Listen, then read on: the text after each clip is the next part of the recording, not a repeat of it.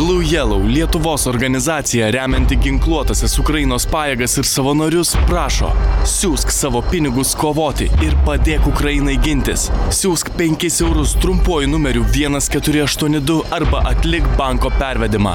Tavo sąskaita yra tavo ginklas Ukrainoje. Sybet - lošimo automatai, lošimo automatai, lažybos, lažybos, ruletė, ruletė. Sybet. Nesaikingas lošimas gali sukelti priklausomybę.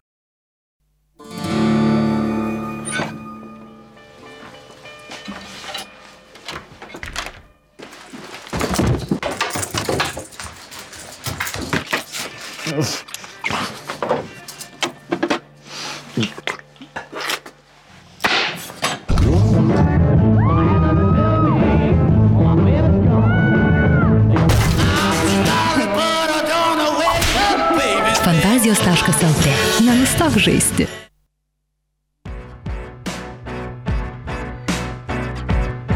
Ponios ir ponai. Sutikite laidos vedėją Rytį Zemkauską.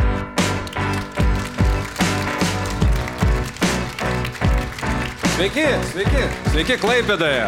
Kaip faina, kad jūsų daug susirinko. Mes čia atėjom ir matėm, kad pilna žmonių, vadinasi, viskas bus gerai, puikus oras. Tai ką jūs čia veikiat šiaip jau? Gerai, e, daug nelaukdamas, šiaip jau kitokie pasikalbėjimai tik antrą kartą gyvenime Klaipėdoje. Bet kadangi tiek daug žmonių ir tokie visi smagus, aš galvoju, dabar žiūriu į producerį, reiks daugiau, ar ne? Prižadam, kad bus daugiau. Ir sveikinuosi su visais, kurie mus stebi internetu, sveikinuosi su visais mūsų žiūrovais, kurių yra išties labai daug ir tuoj pristatysiu šios dienos, šio vakaro viešnę.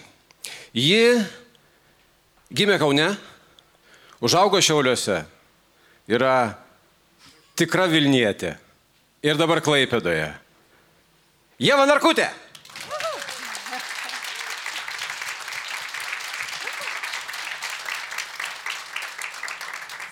Taip, pavyko užlipti. Puikiai. Prašau, Jeva, sėskis.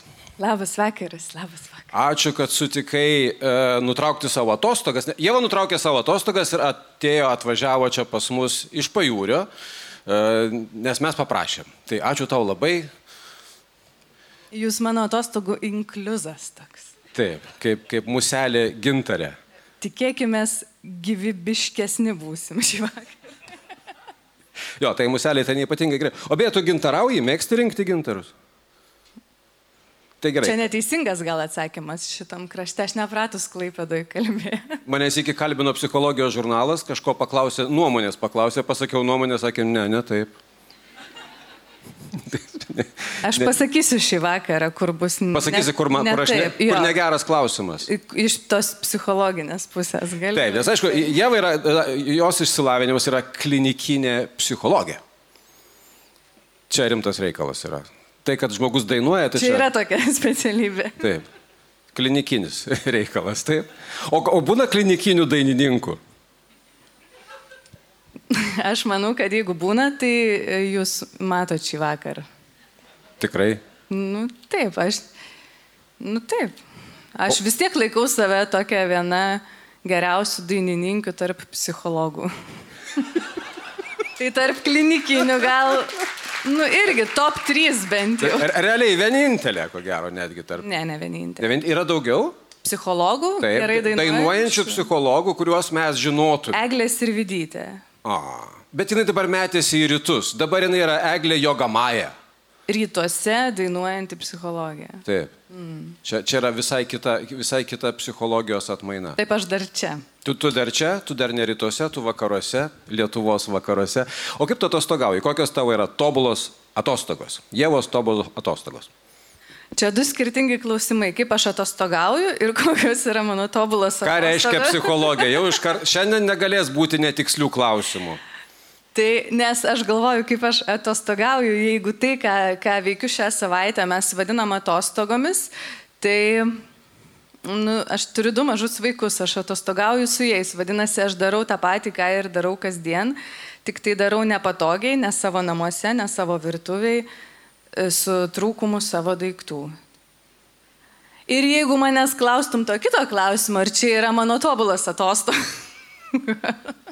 Aš tavęs paklausiu po 20 metų šito, gerai? Sakysiu, tu prisimeni? O laikai. Sakysiu, būdavo. Jėzus, auksiniai laikai. buvo. Tikrai. Kaip aš norėčiau, kad tie vaikai vėl klyktų, vėl, vėl apsivemtų, apsisisiotų. Bet jie jau užsienį ir aš viena. Jie vemia ir sisioja užsienį dabar. Tu turi dvi dukras. Viena yra kiek? Penki, kita vieneri metai, ar ne? Uh, taip, iš tikrųjų. Kažkas sureagavo, sakė, o. Fain. Sužuojauta. Tai užuojautą reikia reikšti ar ne? Kaip tau sekasi su tavo vaikai? Dieve, nereikia. Kokia tu mama? aplodismentų. Kokia Vaikai tu mama? yra aplodismentai. Aš kokia mama? Aš Aha. gera mama. O kas yra gera mama? Gerai, tavo mama gera buvo. Puikiai. Kuo? Nu, jinai buvo normalus žmogus, jinai nieko nevaidino ir nevaidina iki šiol, jinai sako, kaip jai yra. Jinai leidžia savo būti visokią, ne, nesivaiko kažkokio įsivaizdavimo super, duper, wow, tobulos, nežinau. Ir tuo pačiu daro viską, kad, nu, gerai varytų gyvenime. tai, tai, nu, man atrodo, gera mama yra bet kuri mama, kuri yra tiesiog gyvas žmogus e, su savo vaikais. Na, čia kaip, žinai, kaip mano mama sako, aš buvau bloga mama, kodėl, ko, neįmetė į šulinį, viskas gerai. Nu. Galėjai. Aš norėčiau, kad mes mažiau girdėtumėm žmonių, kurie sako, kad aš buvau bloga mama ar ten aš kažkoks blogas tėvas. Man atrodo, mes save plakam, jauni tėvai, labai ypač jaunos mamos, plakam save, užsikeliam tą kartelę iki neįmanomybės. Tai aš labai garsiai už to išnaudoju progą pasakyti, kad aš gera mama. Visos mamos geros. Visos mamos geros. Tikrai. Ploja mamos. Ploja ir tėčiai, nes bijo. Beje, klausimus šiai klinikiniai psichologijai, e, jeigu nebijote pateikti, taip pat galite tą padaryti. slaido.com, grotažymė klaipėda. E, Tie jūsų klausimai pasigirs antroje mūsų laidos dalyje. Aš tavo mamą peniau, tavo tėvai su muzika susiję žmonės, taip? O kaip atsitiko, kad tu gimėjai Kaune? Kas ten tau buvo užėję? Ai, aš dar negimiau, o man jau užėjo, kai pasirinkau Jo, jo, gimti jo, Kaune. jo.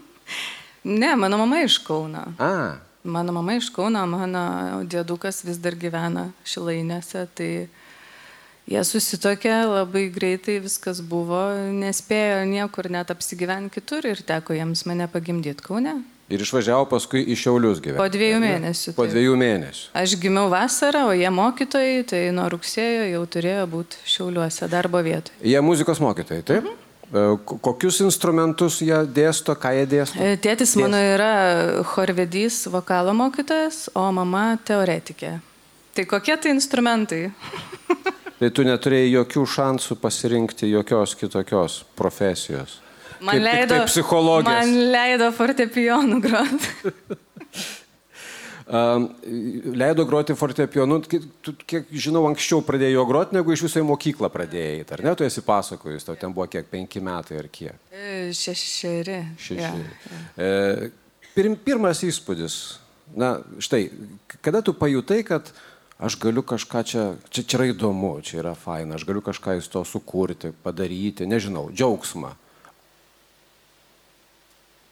Kad sukurti tai tikrai ne šešerių pajutau.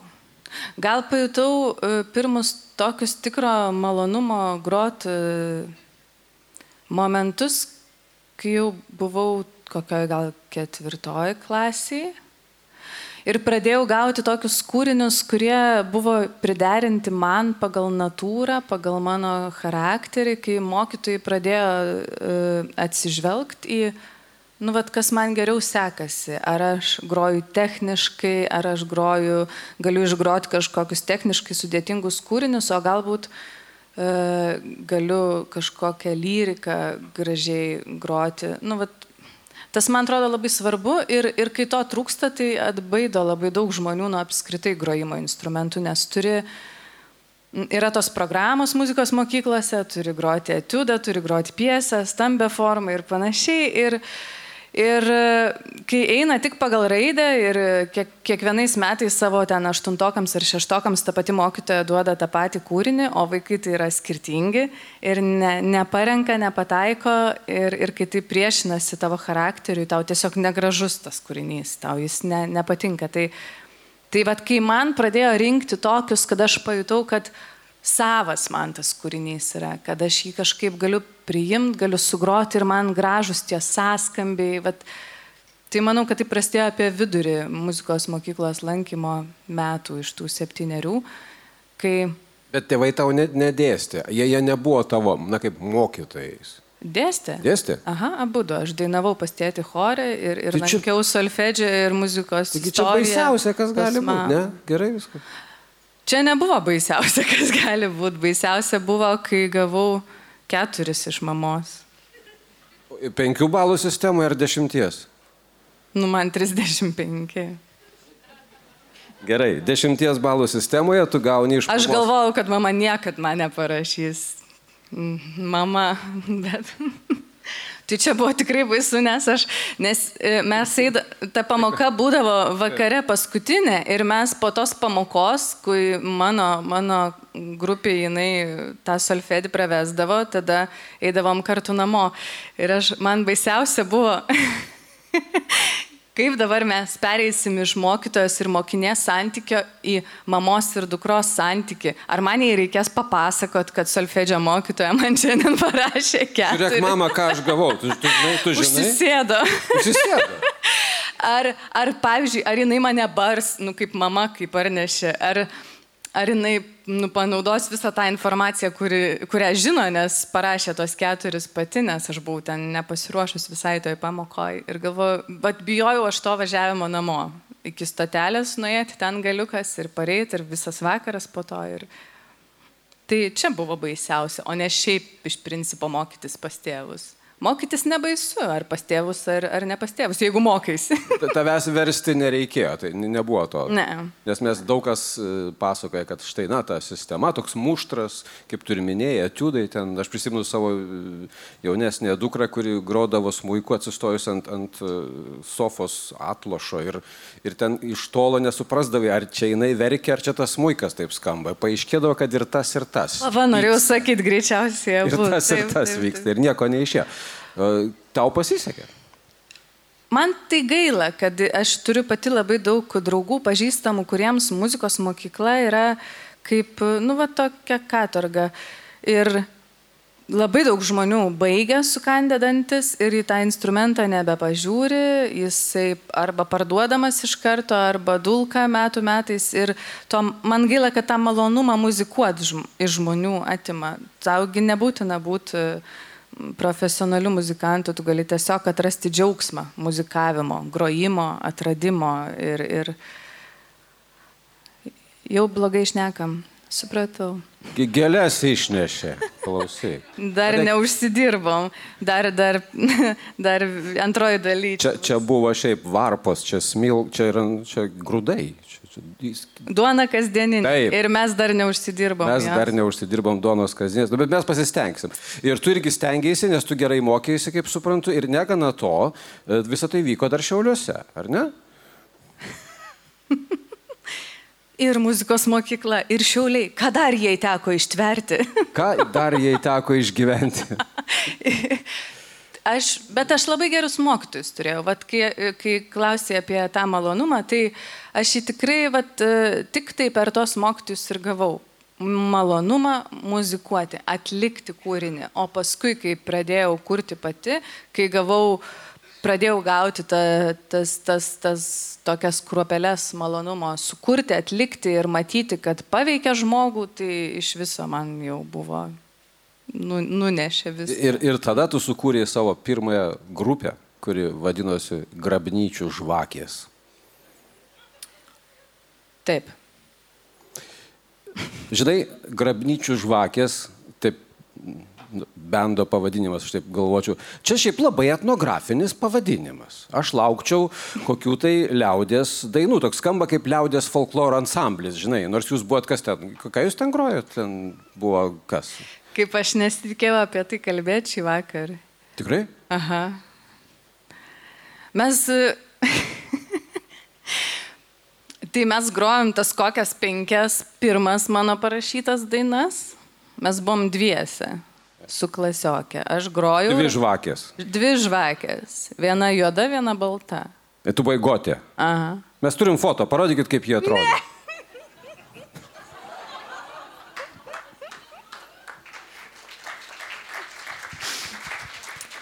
Jūs nenorėkit kitos žvakės pamatyti. Ok, tai jūs grojat, jū- jūs, jūs grojat, uh, tas penkias pirmas tavo parašytas dainas buvo dvi žvakės ir pasivainot grabnyčių. Žvakės ir tai buvo žanras. nu, tai pirmos paaugliškos autorinės dainos, toks ir žanras. Koks turinys, apie ką? Apie ką? Dar kyla klausimas, apie ką pirmos paaugliškos autorinės dainos. Aš tai- Aišku, kaip apie, Apie gyvenimo prasme. nu taip, apie gyvenimo prasme, apie tai, kaip niekas tavęs nesupranta, apie tai, kaip tik tu vienas žinai tai, ko nežino kiti, apie tai, kaip e, jeigu tu įsimylėjai, o tavęs neįsimylėjo, tai, nu, Tai ir pats kaltas. Tai, tai jau šansas prarastas ir, ir, ir daugiau nebebus taip niekada. Nu, tokie grand dalykai. Tos dainos dar tikrai sklando internete. Tikrai jos sklando internete. Deja, aš krentu, nes neturiu sparnų, tu skrendi, nors tavo netikri. Deep. Žinai, kai kurie taip daro, būdami 40, tokius tekstus rašo šiaip. Ir renka arenas Ir normaliai. renka Basanavičiaus gatvėje be jokių problemų. Tai Basanavičiaus, Basanavičiaus, bet ir koncertinės salės. ir Aš arenas. pastebėjau, kad tie tekstai ten labai filosofiški dažniausiai, kurie skamba Basanavičiaus gatvėje ir kitose kurortuose. Ten dažniausiai va tokie. Šiauliuos irgi skambėdavo. Ir kaip, Prieš 20 metų. ar, ar padarėt bent vieną tikrą koncertą? Padarėm. Padarėm vieną tikrą koncertą de, dešimtoj klasiai. Aš tą draugę ėmiau į grupę O draugė mokėjo grot dainuot? dainuot mokėjo. Aha. Aš ją ėmiau dėl drąsos ir dėl, ir, ir dėl to, kad mūsų sutapo laukai. Jis tikrai pažiūrėjo šitą pokalbį, o Dieve, jinai man rašė, kad laukia. Aš ją, bet jinai žino, kad aš ją ėmiau ne dėl to, kad jinai moka kažko grot ar, ar dėl labai ypatingų vokalinių gebėjimų. Jis dabar žiūri, primenu, jis dabar mato. Tai Bet tos... jinai žino. E, Ir mūsų tiesiog sutapo laukai, humoro jausmas, prieimas prie dalykų, nes e, viena yra mokėti groto, kita yra sutikti dainuoti grupiai tokiu pavadinimu. Čia skirtingų įgūdžių labai reikalauja, skirtingų charakterio savybių šitie vat, dalykai. Ir e, mes padarėm tikrą koncertą. Lapkričio, ne, spalio gal. Lapkričio vidury ar pabaigoj. Aplink e, visų šventų. Taip, taip. e, Kodėl? Nes kadangi buvot gotai. Kodėl aš tai sakau? Dėl to, kad mes e, darėm į mokyklą, Juliaus Senonio gimnazijoje. E, ten buvo labai daug leidžiama mūsų laikais, kai mes ten mokėmės. Buvo labai skatinamas bet koks moksleivių kūrybingumas, saviraiška ir dalykai. Ir, ir, ir mokykla turi du pastatus. Vieną seną, vieną naują. Jie yra sujungti tokiu stikliniu koridorium trijų aukštų. Mes darėm e, tą koncertą trečiam aukšte tame stiklinėme koridoriuje, pristatėm jį žvakių, kurias nusipirkom su nuolaida, keletą tų tokių padėkliukų žvakių, kurios buvo skirtos kapams. Ne, nepramastėm, kad jos yra skirtos deginti laukia ir pašėlusi į dūmiją. Ir mes visą tą trečią aukšto koridorių pri, pri, pridegiojom šitų e, žvakių kapų. Ir kai pradėjo žmonės rinktis į koncertą, jau sakė, kad nuo pirmo mokyklos aukšto prie įėjimo jau įeini ir toks geras smogas, jau, jau koncerto metu tikrai buvo sudėtinga ir kvepuot. Mokytoja, kuri pasirašė, e, kad prižiūrės mūsų šitą renginį, linkėjimai ir jai, dailės mokytoja, tai buvo jinai, dėl drąsos pasiemė po suolų koncerto metu laikė tokį, uh, tokį Česnakų pinė. Mm, ne, tokį virduliuką su vandeniu. Atsta, nu, atsta gali. Ne, ne, su vandeniu. Mažu užsidegs, tai jinai vat, turi, bus pasiruošus jau ge, gesinti ir bus jai saugiau kažkaip. Tai, tai čia buvo pirmas normalus, nu, tik uždyka. Publikai patiko? Taip. Po dviejų metų dariau koncertą vėl, tenai tik viena jau.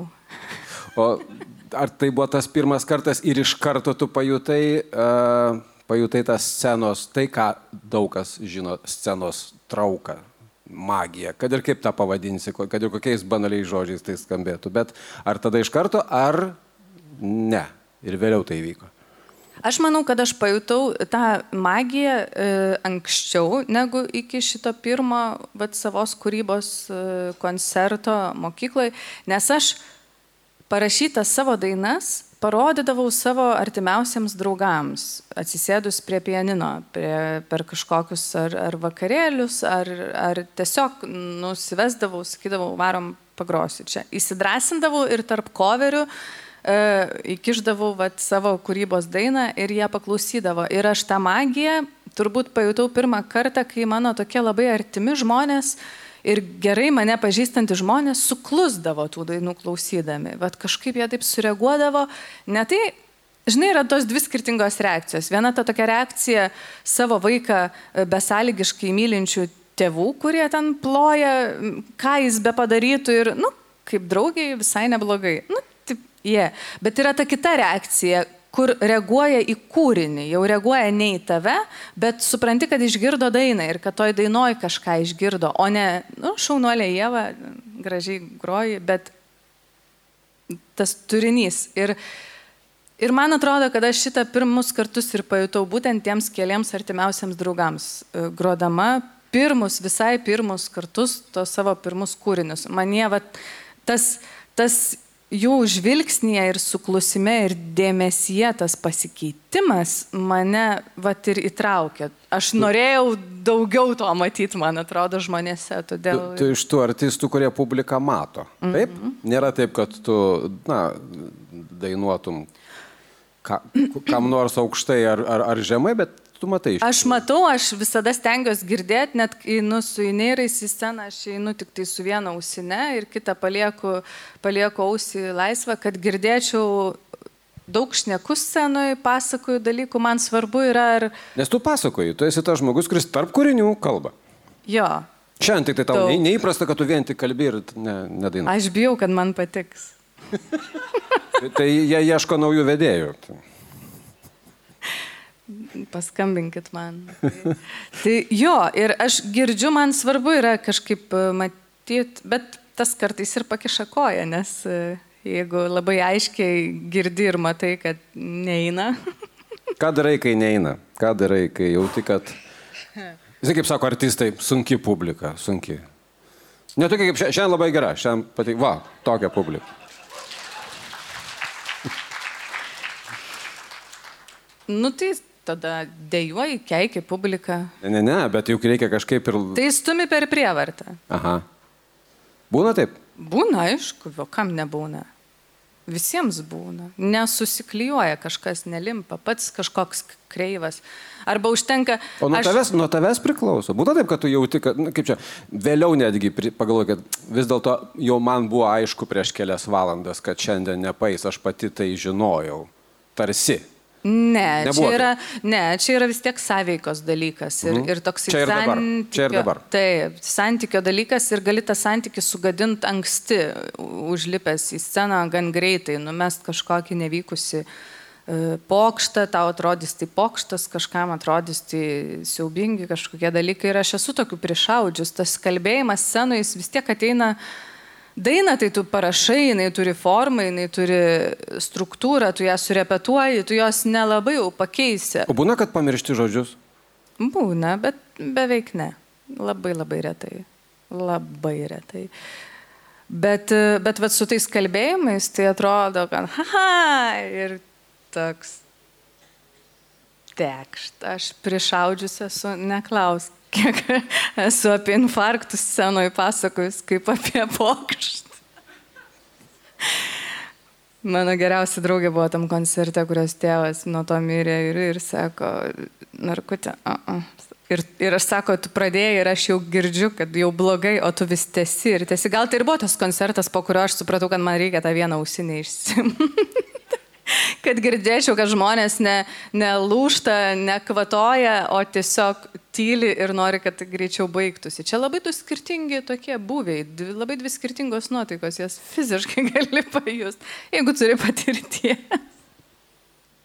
O, o tu e, turi tokį tikslą, na, kad, e, kaip čia pasakius, kad šiek tiek pasinaudoti ir savo psichologijos žiniomis bendraudama su publika, kad, kad, kad pranešti kažką, pa, pakelti, pa, kaip čia, pašviesinti gyvenimą. Išskyrus infarktus, aišku.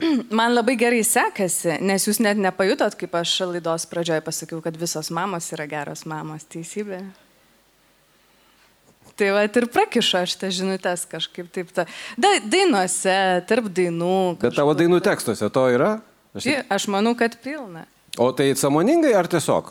Aš manau, man taip gaunasi. Aš toks esu. Aš, mm, ni, manau, kad tiesiog man iš natūros taip gaunasi. Aš mėgstu kažkaip kibint žmonės, kad jie atsivertų, kažką jautraus apie save parodytų. Aš tada man reikia kažką jautraus ir tokio e, intimaus apie save atskleisti. Nu, vat, man visada įdomu žmonės. Aš nedainuoju, nežinau, apie aplinkosaugą. Ne tai, kad yra blogai dainuoti apie aplinkos. Panevežė užtvanką turėjau menį ar kaip. Klausyk. Bet man tik žmonės įdomu apdainuoti kažkodėl. Taip, aš negirdėjau, kad tu dainuotum apie lapę, ar ten, nežinau, kiti dainuoja apie lapę. Ir jiems gerai sekasi, tai tegu jie ir dainuoja. Klausyk, o tu kompleksų turi, tu esi kompleksuotas žmogus. Taip, taip, taip, taip. taip. Negalvoju, kas būtų, jeigu pasakyčiau ne. Galvoju, kas patikėtų, jeigu pasakyčiau ne. Aš patikėčiau, eičiau prie kito klausimo. Tikrai? Taip, parodykite foto, kur e, Jėva yra su tatuiruoti. Kur Jėva neturi kompleksų, parodykit nuo. Va. Geriau. Va, parašė dainą savo vyrui. Ir kas tas antraštas galvoja man? Jautru. klausia. E, Prie jų dar reikėtų parašyti jautru, dvitaškis. Nuolat pildoma. Tatuiruotė nuo, nuo, nuo, nuo tų laikų? Čia Aha. netikras beje daiktas? Čia tikras, Tikras, daiktas. tikras. tikras. Kas čia parašyta? Celebrity. Wow. Mano vienintelis kompleksas yra kuklumas. Um, buvo taip, kad, um, kad tavo pavardę painiodavo, buvo, kad sakydavo uh, Norkutė. Aš e, dažiausi, grimavausi e, koncerte, prieš koncertą Nidoj, Nes Norkus yra tarsi tokia labiau tradicinė. gerokai. Taip. Ir aš dažiausi prieš koncertą ir e, dariau tai tolete e, personalui skirtame ir girdėjau už durų, kaip kalba dvi moteris atėjusios į tą klubą, kabo plakatas. Šį vakar koncertuoja į Norkutį. Ir jos, taip, plakate netgi su klaida buvo parašyta mano, mano pavardė. Ir jos kalba, kas ta į Norkutę? Nu, čiagi žinai, čiagi ta aktorė iš moteris meluoja. Nes tai yra Jėva irgi. Inga. Ar jinai Inga? Inga. A, jinai Inga, kažkaip aš manau, kad jinai. Jinai Inga. Gerai, kad nematau. Jinai irgi. Inga ir Norkutė. irgi Inga. Ir taip sutampa ir vardai, ir pavardės mūsų, tik dainos skirtingos. Ir man yra buvę visai. Man Norkutė, Jėva, In- Lina esu buvus. Ne plakate, bet taip, Norkutė, nes Norkų visi kažkaip Taip, daugiau. tai žino. populiaresnė tokia, lengviau ištarti. Mano atveju irgi Žemkauskas būdavo visada kažkaip paprasčiau visiems. Bet mano vadyba tada labai gerai paaiškinama visiems, kurie skambina ir klausia Norkutės koncerto, e, labai jiems gerą tokį uh, užuominą uh, sugalvoja yra. Sako, jums yra narkotikai ar narkotikai? Čia būtų buvęs mano kitas klausimas, bet tu jį, Išsprendžia. tu išsprendai šitą mano problemą. Taip. Dėl savo išvaizdos, ką nors kompleksavai? Aš sėdžiu profiliu, taip? Tai dėl ilgos nosies kompleksavai? Taip. Buvo taip? Bet labai trumpai ir labai mažai, nes niekad kažkaip ne, nebuvau aplinkoj, kuri labai tą e, akcentuotų. Bet, bet yra buvę, čia turbūt toks akivaizdžiausias ir pirmą manęs į kambarį įeinantis kompleksas. Iš pradžių pasirodo ji, o tada pasirodo Inga. Inga. E, Klausyk. e, Na gerai, t- t- t- e, turbūt tuo metu, kai buvai gotė, tai visus šiaulių kapinės visas apėjot, ar ne? Ir ne tik Ir apėjom. rajono. Ir ne tik apėjom. Aha, o ką darėt? Nesakysiu, negalima. Kaip negalima. Matai, aš žinau, tai jau klausiu. Man labai visada įtampa kelia tie interviu, kur prisirankė. Būna prisirankė, prisiskaitė, pasiruošė. Skambina ten visokiems giminaičiams, draugai. Neskambinau giminaičiam. Mes ne vien vaikščiame. Aš tavo giminaičius ar taip ar taip pažįstu, aš neskambinti nereikėjo. Vienas iš jų šiuo metu skrajojantį Olandą va čia va. Skrajoja. Skrajoja aplinkui. Skrajoja. Taip. Linkėjimai giminaičiams. Tai taip, visos kapinės, taip. Kuo ypatinga yra e, Gaidžio koplyčia? O žinot, kur yra Gaidžio koplyčia? Žinau. Žinot jūs, kur yra Gaidžio koplyčia? Prie salantų. Taip. E, Realiai turbūt salantuose pačiuose, nes, e, nu, taip. Kuo jinai ypatinga, nes e, visi žino Vilių Orvidą, visi žino jo sodybą, visi žino jo tos pasiekimus ir ypatingumą asmens ir, ir jo darbų, bet Gaidžio koplyčios mažai kas žino. O tai yra jo toks pradėtas ir neįgyvendintas, nepabaigtas projektas. Tai To ir ypatinga, kad vasaras leisdama salantuose aš ten būdavo, numindavau su dviračiu, atsiguldavau ant tų tokių paminklinio dydžio akmenų aukštelniką, žiūrėdavau į dangų ir... Mes turime foto, man atrodo. Būdavau mes, gotė, pačia ta jau griniausia forma. mes, turėtume turėti foto, nežinau, jeigu suspėsim, parodysim. Bet kuriuo atveju, ten būdama tu turėjai išmokti ir žemaitiškai, ar ne? Čia ne šitą nuotrauką, bet ją palikite, prašau, to mes prie jos prieisime. Že... Mm, turėjau išmokti. Turėjai išmokti. Moki? Žemaitišką. Beški. Gerai, ar žinai, kad Wikipedijoje apie tave yra straipsnių keliomis kalbomis ir viena iš jų yra korniš? Čia, čia yra pavyzdys.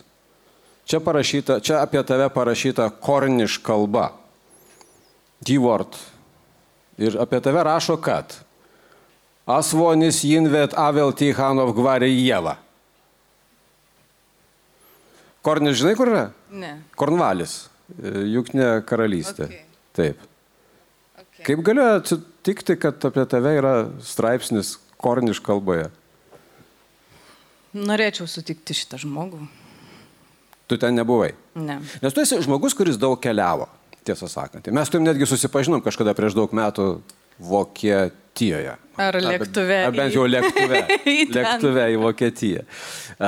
Esi keliaujantis žmogus ir, ir, ir netgi kurį laiką praleidai užsieniuose. Ir ką tu tikrai moki, mano supratimu, tai švediškai. Tiesa?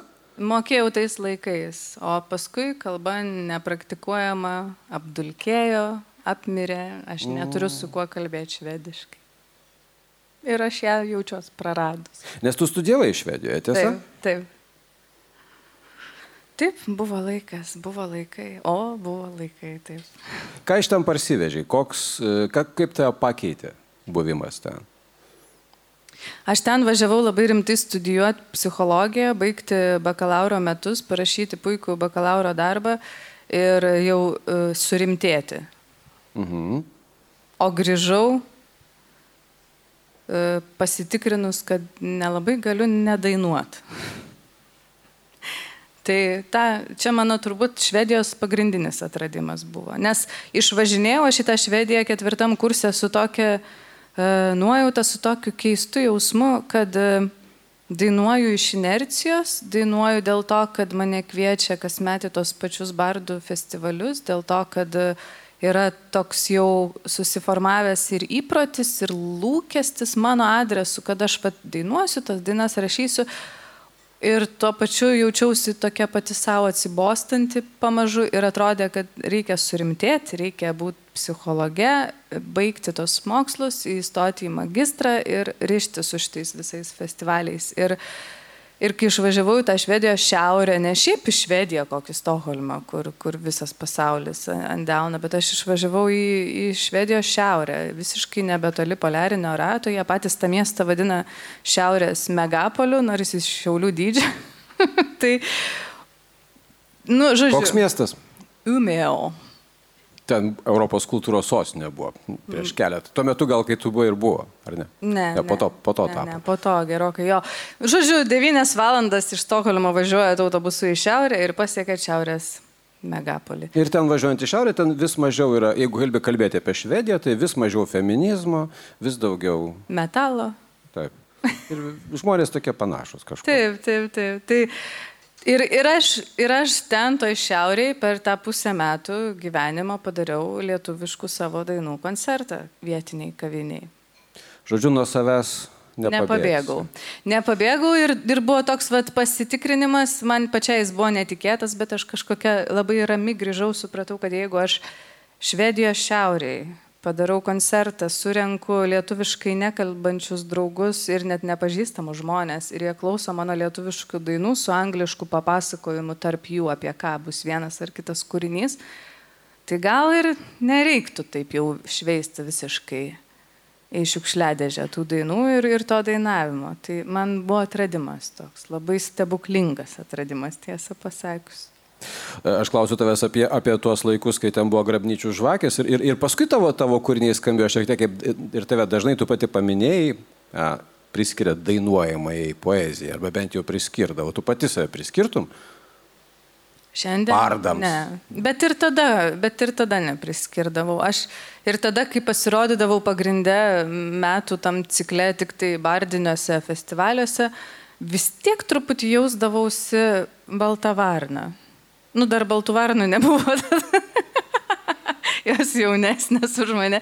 Bet aš jau, jausdavausi truputėlį, nu, tokia iškrentanti iš konteksto. Jau vien tai, kad negroju gitarą. O visi suvenyrai bardų festivalio ar kažkokie apdovanojimai, kaip taisyklė, yra gitaros forma. Man vienas bardas garsus Lietuvos pasakoja anegdotą apie bardus. Žinai, bardas sėdi piktas namie ir, ir, ir žmona sako, kas yra, sako, vaikas gitarą išderino. Tai susiderink, sako, nu nesako, kurią stygą. Muzikantams būna labai jokinga, paprastai šitas anegdotas. Kuo aš buvau nustebęs, tai tuo, kad tu labai daug savo muzikos, taip kaip mes ją girdime, kaip čia pasakyti, sukūrė kartu su vienu žmogumi, kurio klausimas dabar čia pasigirs. Dėmesio. Labas, Jėva. Užstrigo. Labai bus iš naujo. Įdomus klausimas.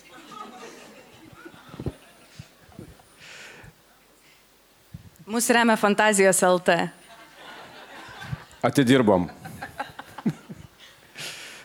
Ar pavyks paleisti mums klausimą?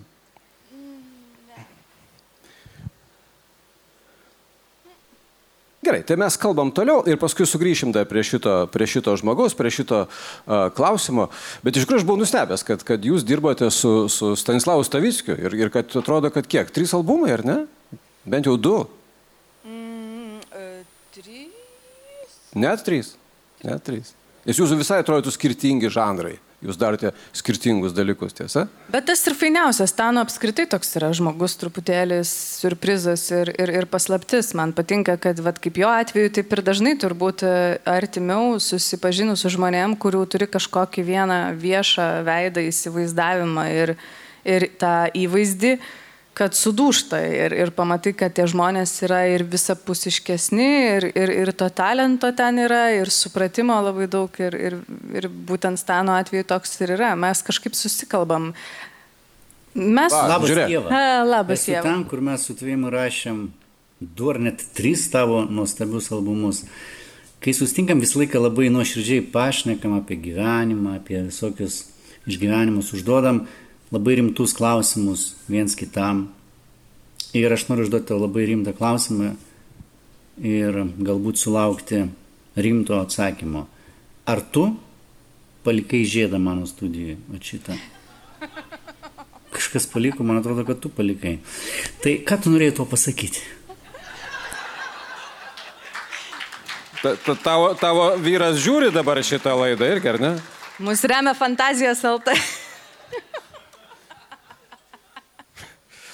Aš pa, tau turiu dovanų nuo fantazijos LT, pabandžiau susirastus fotelio, bet paskui. Galvau, žiedą irgi. Bus vėl. kita proga. Apsaugok viešpatį. Apsaugok viešpatį. Kas dar kokių žiedų, kur... Ne, Tai kaip su tuo žiedu Ne, ten mano ten žiedas. Ne tavo žiedas. Kad jūs matytumėt ir žinotumėt, kokie sąrašai ir kokių merginų lankosi ten pasitoj studijoje. Jis net pats nežino, kiek su manim albumui rašė, aš tai žinau, kad tris. O jis jau visiškai pasimetęs.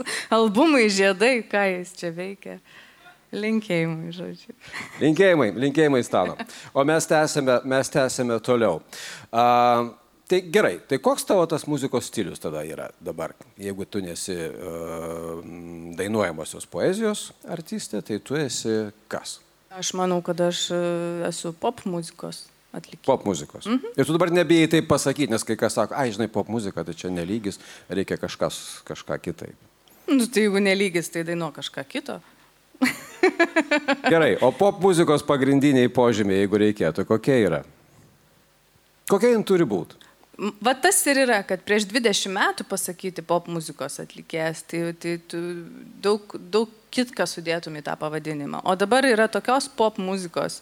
Jis tokia yra žanrais uh, išsi, nu, sus, sus, susiliejus, susi, susimaišius, susi, kad tu gali groti realiai bet ką ir, ir tai vis tiek vadinti pop muziką. Žiūrėk, bet pagrindinis dalykas, ji turi patikti žmonėms. Taip, čia yra tas. Taip, taip, taip, aš manau. Aš manau. Turi patraukti. Jis turi, turi kabinti e, didesnę masę žmonių, o ne mažesnę. Nu, vad kažkaip. Kunigunda, geras gabalas? Nuostabus. Gerai. Grįžtam prie klinikinės psichologijos. Vaido klausimo nebus? ne. A, ramu. Nebus, nesutiko, sakė, aš nenoriu jai. Žiedo nepaliko. Žiedo nepaliko, nieko. Ženklo irgi nedaviau. Nieko nesiūlo, ne, aš nenoriu. E, tu esi parašęs, aš rašau dainas, jas atlieku ir to mėgaujuosi. Ant scenos aš būnu geresnė, žavesnė ir mielesnė negu gyvenime. Taip? Mhm. Tu gyvenime esi pikta, baisi, taip? Mm, aš manau, kad esu normali, kaip ir kiekvienas. O scenoje mes visi įdomesni. Ar tu kuri kažkokį personažą išeidama į sceną? Ar yra tavo kažkoks, na, kaip čia? Kas tu? Ar tu dainininkė, ar tu, nežinau, celebrity? Čia jau mažiausiai, kas aš esu. Žinai, kai turiu didelį koncertą, aš visą dieną namie e, prieš tą koncertą taupausi, elgiuosi truputį kitaip, esu tokia labiau įstempus, nervuota, nekantri, nejokauju, ne. Tai man atrodo, kad pagal tai, kaip aš elgiuosi prieš didelius svarbius e, koncertus su savo artimiausiai žmonėm, galima nuspėti, kad į sceną aš pat ir atnešu tai, ko neduodu jiems visą tą dieną ar dvi iki to renginio. Aš neduodu jiems e, to šypsenos, neduodu to, to tokio lengvabūdiškumo kažkokio, neduodu to aštrumo, ne, ne, negaudau jų būsenų. Scenoje stengiuosi būti labai tokia jautri, at, atliept ir, ir, ir pataikyti vietoj laiku sutinkamų žodžių, sutinkamų kažkokiu gestu ar mimika ar panašiai. Tai tam man reikia labai pasitaupyti ir tą aštrumą su, sutaupyti vakarui. Aš va tokia stengiuosi būti. Stengiuosi būti šmaikšti, va kaip rašiau, tada labai seniai šitas yra parašytas. Mm, tie du sakiniai ar trys, bet jie labai bet galioja, galioja ir šiandien galioja. visiškai, nes va tas žavesnė, žavesys ir toks ža, žav, noras žavėti, jis yra labai valingas aktas žmogaus. Tu nori pasirodyti kažkoks, kad suintriguotum, kad sudomintum, kad tai akimirkai vat, vat, paimtum tą publiką. Ir, ir tai kainuoja labai tokio daug, nenoriu sakyti įsitempimo, bet tokio labai jautrumo didelio. Tai kainuoja, nes tam, kad tu sužavėtum, tu turi pajaust, ko tikisi ta publika, kokios jie nori manęs, ko, kokia aš čia turiu šį vakar būti, koks tas lūkestis. O lūkestis vis tiek susiformuoja per daug prieš tai matytų tavo mm, lankytų koncertų. Na, nu, žinai, toks užburtas ratas gaunasi, kad aš kažkokią duodu kibirkšti pačią pirmą, mane pamato kaip kažkokią, tada man pareina grįžtamasis ryšys, kad patiko, kai aš buvau tokia kažkokia, tada aš vėl kitą kartą stengiuosi vėl tokia kažkokia būti ir taip sukasi, sukasi ir tie kai kurie bruožai jie išsididina. Jie gal nėra tokie ryškus manie kasdieną, tikriausiai nėra, bet, Bet jie išsididina ir aš tada einu narkutę į sceną, kažkokia šmykšti, kažkokia, nu, tokia, vat, nu, narkutė, nežinau. Bet, bet tas turbūt yra apie tokį aštrumą, apie sąmojį, apie ironiją kažkokią. Gerai, geras atsakymas. Ačiū Dievui. Padarykim pertrauką. Padarykim pertrauką ir duokime šią sceną žmonėms, kurie čia šiandien dainuos ir gros. Ar tu esi kada girdėjus apie tokią grupę Stiklas? Jeigu būčiau, būtumėm abu girdėję, tai kažin ar šitą klausimą užduotum. E, Tu nesigirdėjęs apie tokią grupę Stiklas, aš jų gyvai niekada dar nemačiau, tik tai, išskyrus, aišku, šiandien buvusią repeticiją, soundchecką taip vadinamą, ir be jokios abejonės jau jie turi sukūrę keletą klipų. E, Čia reikėtų nevykusiai pajokauti kažką apie duštantį stiklą, bet mes su tavim per daug išsilavinę ir publika per daug gera. Tiesa? Todėl pakvieskime tiesiog juos Kviečiame. į sceną. Nuostabią, puikią grupę. O mes sugrįšim po pertraukos. Blue Yellow Lietuvos organizacija remianti ginkluotasias Ukrainos pajėgas ir savanorius prašo siūsk savo pinigus kovoti ir padėk Ukrainai gintis. Siūsk 5 eurus trumpuoju numeriu 1482 arba atlik banko pervedimą. Tavo sąskaita yra tavo ginklas Ukrainoje. Sybet lošimo automatai, lošimo automatai, lažybos, lažybos, ruletė, ruletė, Sybet. Nesaikingas lošimas gali sukelti priklausomybę.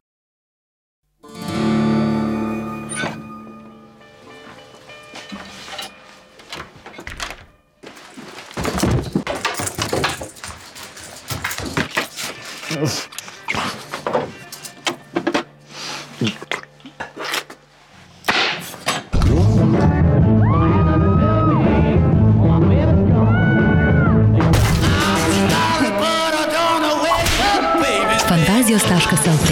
Nenustok žaisti. Tai labas vakaras, su jumis šį vakarą grupė Stiklas. Čia viskas taip ramu labai, švelnu. Mes tokia ramę, bet kartais gal šiek tiek sunkesnę muziką pagrosim. Turim jums peruošę penkias dainas. Labai laukiam šito sustikimo, tai tikiuosi jums patiks. Jeigu norėsit šiek tiek atsistoti ar pajudėti, tik tai bus į gerą.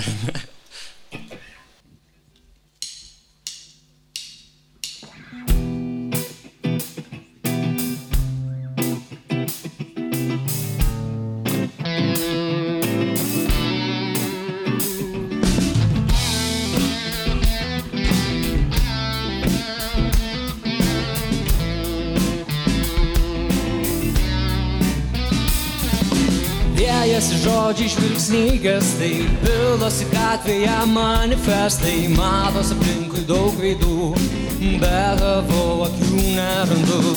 Vėjas apstoja su pašvelniai, tavo žodžius dėlioja darniai, aš suprasti juos galiu, bet juose tavęs nerandu. Noriu pasiekti dugną, noriu, mažiau to triukšmo noriu, gyventi iki galo. Noriu pasiekti dugną, noriu, mažiau to triukšmo noriu, gyventi iki galo.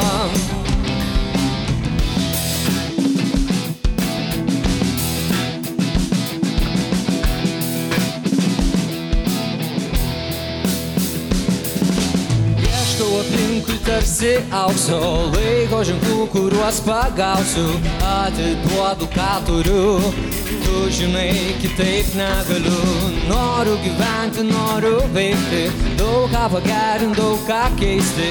Matos aplinkui daug veidų. Noriu būti tikrai kas esu.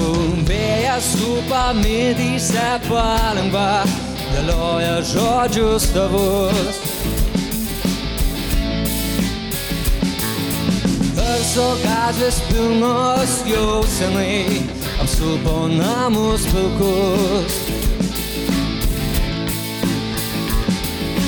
Noriu gyventi, noriu veikti, daug ką pagerinti, daug ką keisti. Malos aplinkui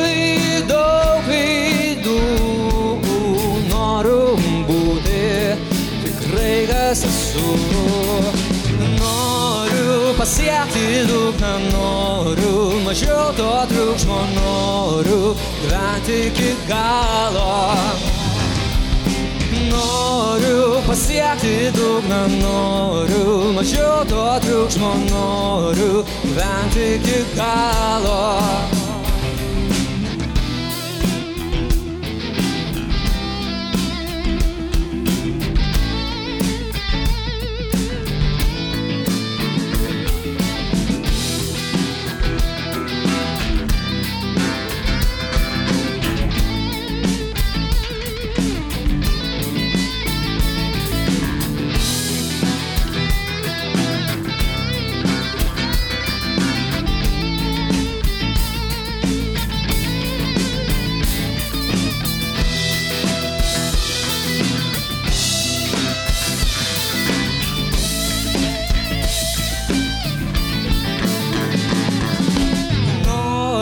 Pasiekti dugną, noriu mažiau to triukšmo, noriu gyventi iki galo. Noriu pasiekti dugną, noriu mažiau to triukšmo, noriu gyventi iki galo. Ieškau aplinkui tarsi aukso laiko ženklų, kuriuos pagausiu, atiduodu, ką turiu, tu žinai kitaip.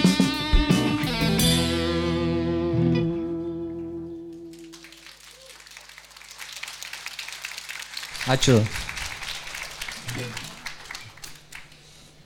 Dabar labai tokia vasariška daina, parašyta vasarą, vadinasi dovanoji man. Labai tinka šiam vakarui.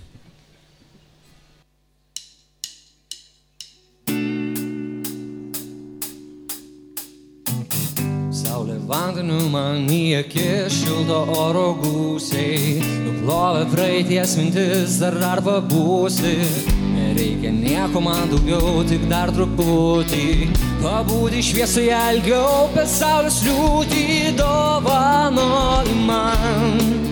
Tu kiekvieną dieną visą, ką turiu dovanoji man. Tu kiekvieną dieną visą, ką turiu.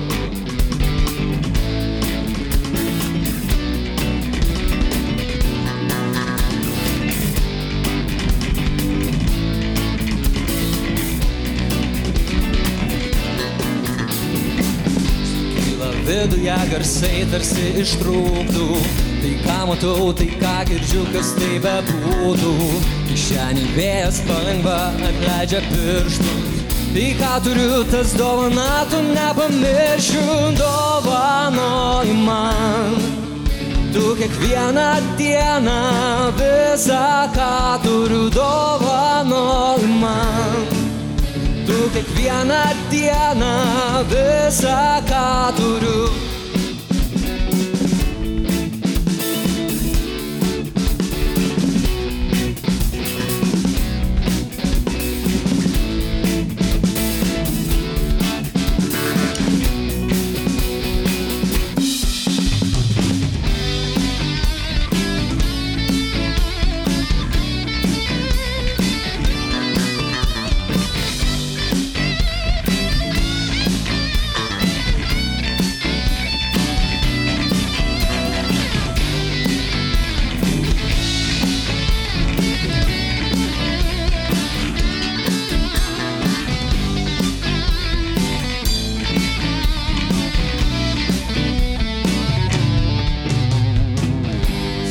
Vandeniu man į akis šilto oro gūsiai, nuplovė praeities mintis, dar dar pabūsi. Nereikia nieko man daugiau, tik dar truputį. Pabūti šviesai ilgiau, per saulės liūtį dovanoji man. Tu kiekvieną dieną visą, ką turiu dovanoji man. Tu kiekvieną dieną visą, ką turiu.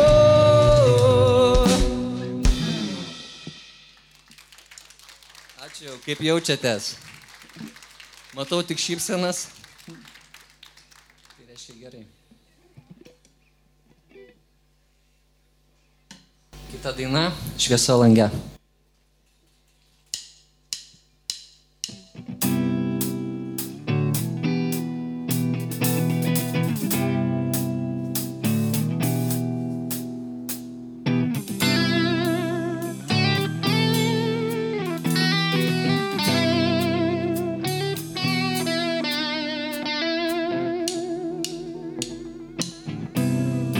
Neša po langus, atvylinti miestą.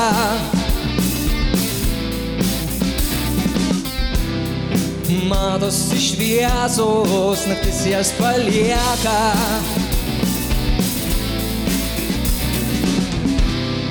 Ne viską užgaubia, ne viską užlieja.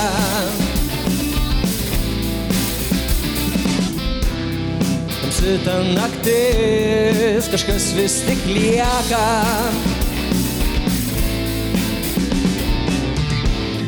Šviesa lange durys į tave.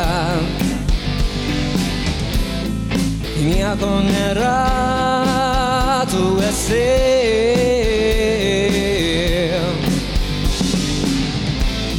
Šviesa lange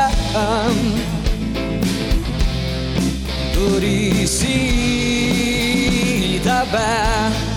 Nieko nėra, tu esi.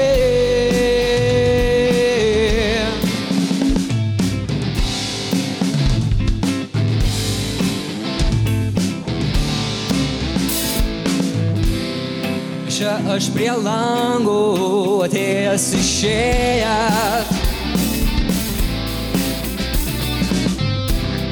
Nešu ką galiu, nešu ką turėjau.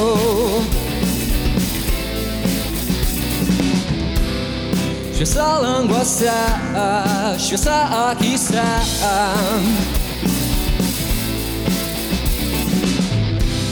Tu žiūri į mane, aš žiūriu į tave.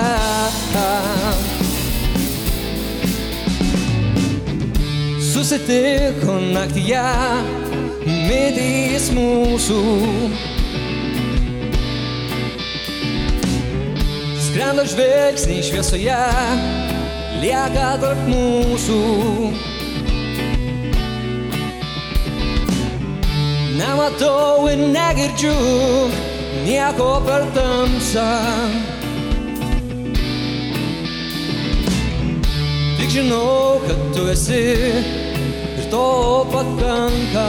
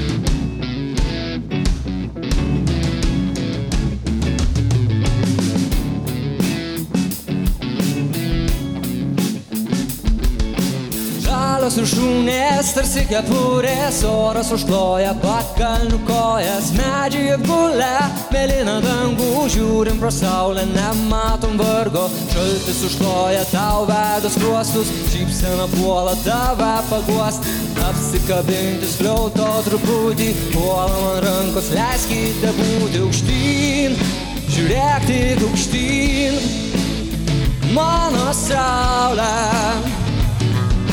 Žiūrėk tik aukštyn, aukštyn, žiūrėk tik aukštyn, mano saulė. Žiūrėk tik aukštyn.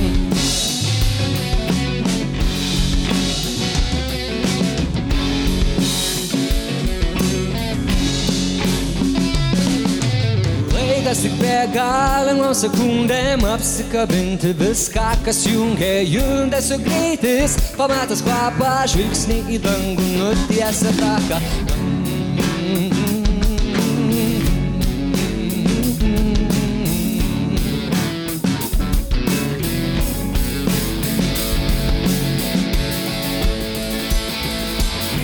Ir mes tik žiūrėjom į keurą laiką kartu apsikabinti, bandom tam žvilgsniu. Mano rankos kyla viršun, laikas bėga, bet aš esu.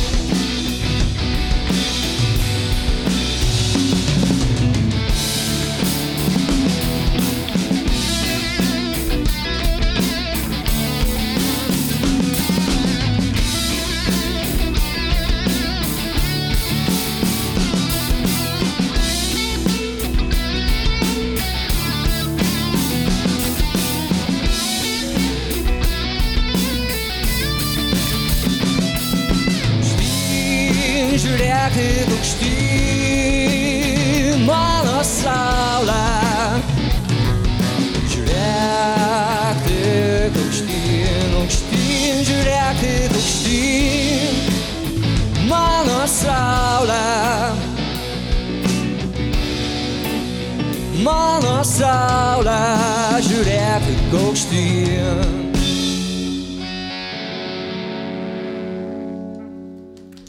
Ačiū. Beje, paskutinė daina laukia. Viskas labai greitai. Snaigių sukūry, nelabai snaigių yra, bet nesvarbu.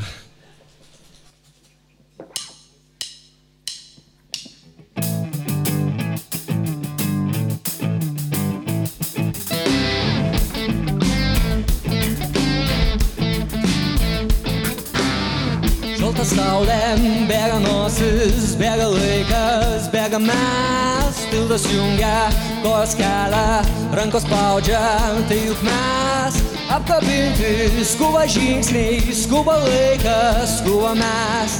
Kelias veda, akis žvelgia, žodžiai dinksta, tai juk mes naigių sukūry skylėmis mes sakau. Einame mes pirmyn, tu pamirš senus laikus, tu pamirš senus laikus, tu pamirš senus laikus. Šokiai.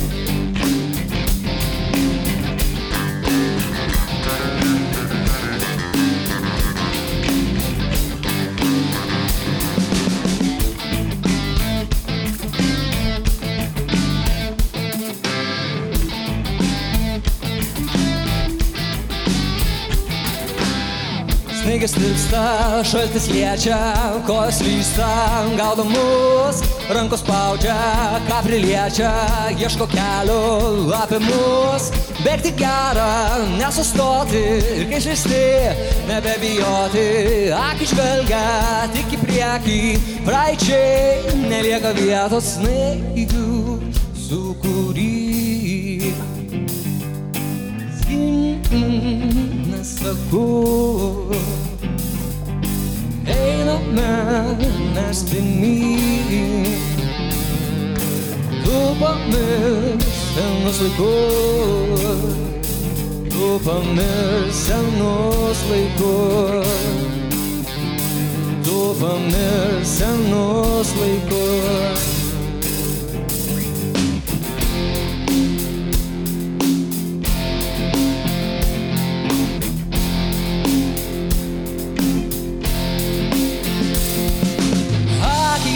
Ne viskas visada yra šviesu.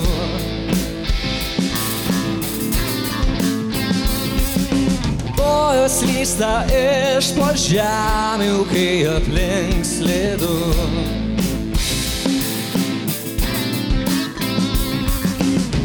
Bet bėgti gera man, gera man.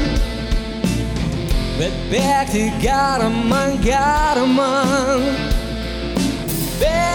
Bėgti gera. Bėgti gera man.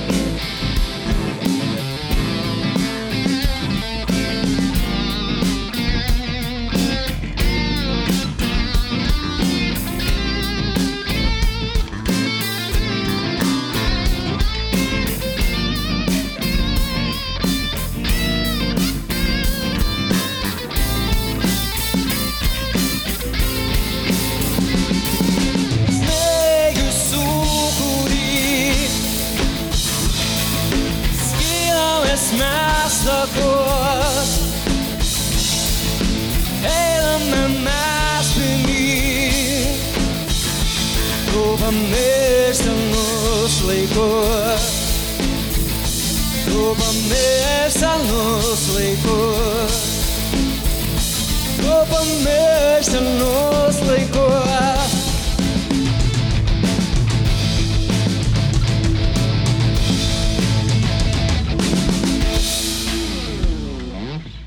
Ačiū labai, su jumis buvo grupės stiklas. Blue Yellow Lietuvos organizacija remianti ginkluotasias Ukrainos pajėgas ir savanorius prašo, siūsk savo pinigus kovoti ir padėk Ukrainai gintis. Siūsk 5 eurus trumpuoju numeriu 1482 arba atlik banko pervedimą. Tavo sąskaita yra tavo ginklas Ukrainoje. Sybet - lošimo automatai, lošimo automatai, lažybos, lažybos, ruletė, ruletė, sybet. Nesaikingas lošimas gali sukelti priklausomybę.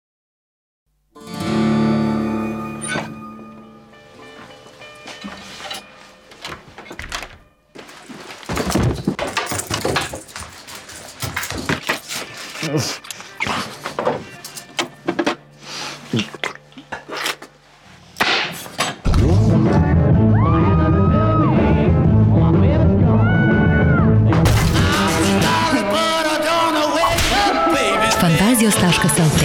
Nenustok žaisti.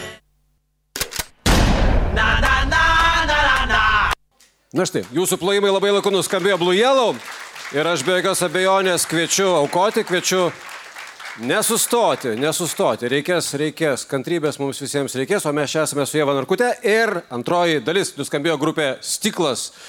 Ir mes su Jeva užkulisiuose kalbėjom ir jinai įrodė man, kad jinai iš tikrųjų yra geras žmogus, ne tai kaip jinai sako, kad tik tai scenoje yra gera. Jinai iš tikrųjų klausėsi ir sakė, Bet tai kaip man dabar, jeigu iš naujo reikėtų daryti karjerą, jeigu reikėtų iš naujo visą tai pradėti, ar aš ryščiausi? Ryštumėsi? Muzikinė karjera, jeigu būtum dabar, tau būtų tiek metų, tu būtum, na, Tiek kiek dabar? aha, jaunesnė, jeigu ne. Jaunesnė. Jeigu dabar būtum nauja, Nauja. ateinanti. Nu, būtų- Ką tik tai po kapinių. Tai turbūt žinočiau apie šitą pasaulį, kitus dalykus, negu žinau dabar, bet e, ką kalbėjau, tai kad e, kitas laikas buvo, kai pradėjau rašytas pirmas dainas ir ir kitas tempas buvo, tarsi turėjom internetą, bet jo buvo irgi ir greitumas, ir, ir apimtis, ir, ir galėjimas jame daryti dalykusgi buvo iš principo kitokie. O Jeigu, tai, jeigu ne internetas, tai, tai, tai tavęs kaip muzikantės nebūtų? Jeigu ne internetas. Būtų. Va. Būtų, nes e, tai tos dainos vis tiek išlenda, aš manau, vis tiek per 20 metų aš esu bent keletą parašius dainų, kurios vertos ir kurios būtų išlindusios, net ir jeigu ne internetas. Turi tą jausmą, kad maždaug, va, šitos yra geros, šitas aš padariau gerai. Taip, aš turiu tą jausmą. Nu, aš pakankamai tikiu savim, tikiu tuo, ką darau ir, ir manau, kad gan realistiškai vertinu. Prie tų dainų mes dar sugrįšime. E, žinai, ką aš norėjau klausti antros dalies pradžioje. Pirmiausia, tu buvai Eurovizijos komisijoje, atrankos komisijoje. Ir koks jausmas yra vertinti kitų dainas? Štai tu ką tik tam tikrai vertinimą davėjai savoms dainoms. Kitos, kitų dainos, kaip jautiesi tai darydama? Mhm, Labai sudėtinga, aš visada uh, labai sunku, nes e, supranti, kad žmogus, supranti, eini per tą procesą kasdien, kai rašai pats, kai kuri ir supranti, kokio tai reikalauja apsinuoginimo, atvirumo ir drąsos, tokios pamatinės drąsos, išstoti su savo kūriniu. Tai, tai labai yra sudėtinga, aš stengiuosi rinkti žodžius labai labai ir, ir neužgneušti tų žmonių noro. Net jeigu man vienas ar kitas pasirodymas patinka arba nepatinka iš viso, aš niekada apie tą kūrybą ir apie tą patį principą, nu niekada aš taip nepasakyčiau, kad gal jūs geriau nebedarykit to. Nesi iš tų, kurie pasakytų, jei gali nedainuot, tai nedainuok. Taip tiesiai, jėki žmogui. Nes kitą gal išgelbėtum. Na bent jau mūsų. Aš, aš gal kažkaip praščiau būdą, kaip tai pasakyti ne taip tiesiogiai. Nes aš pasakau, nu, jei, ta, nėra taip, kad dangstausi už kažkokių tokių uh, rožinių zefiriukų. Nu, ne, bet, bet man atrodo, kad uh, vat, kurti, tai tu gali dainuoti, gal tik tai ne iki nacionalinę atranką, pavyzdžiui. O dainuoti gali. O tu šiaip gera dainininkė? Nebloga. Iš kur žinai?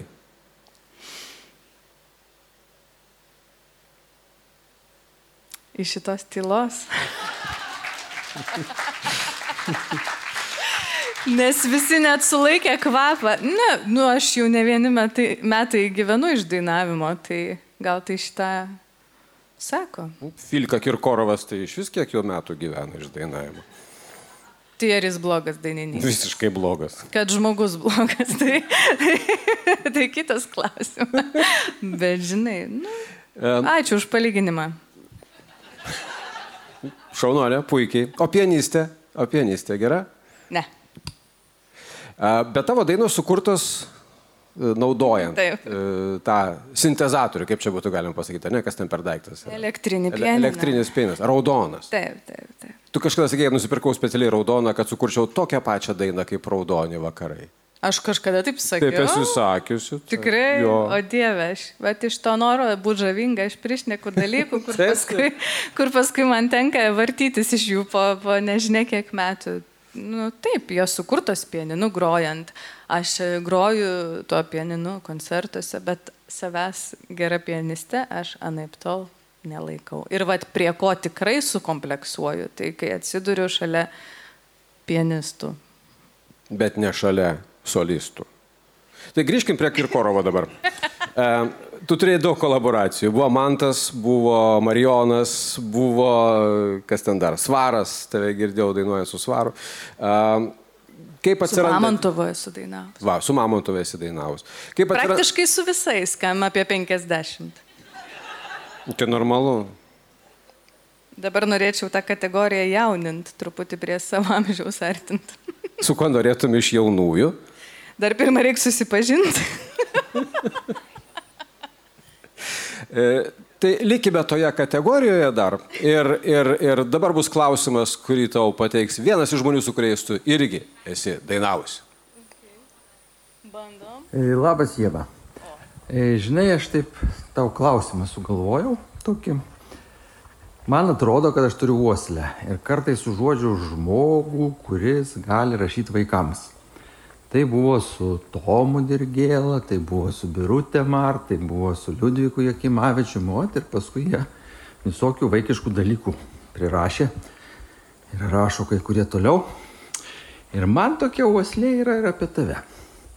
Vis tiek tu esi ir su tokiu geru psichologiniu išsilavinimu, ir su muzikiniu, ir tų vaikų jau turi, ir jiems kažką reikia vakarais pasakoti. Tai vat, jeigu rašytum pasaką savo dukrelėms, apie ką ji būtų Vytautas Valansbergis, su kuriuo kartu esate darę filmą Trispalvis, jūs dainavote apie partizanų dainas ten ir, ir taip toliau. Bet klausimas apie literatūrą, o ne muziką.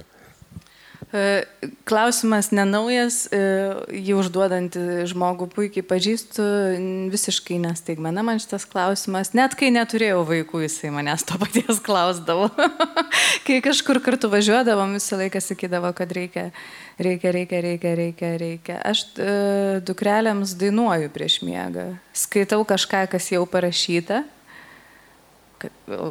Vytauto Vėlansbergą, pavyzdžiui, turim krūvą knygų. O, o dainuoju ir aš joms rašau dainas.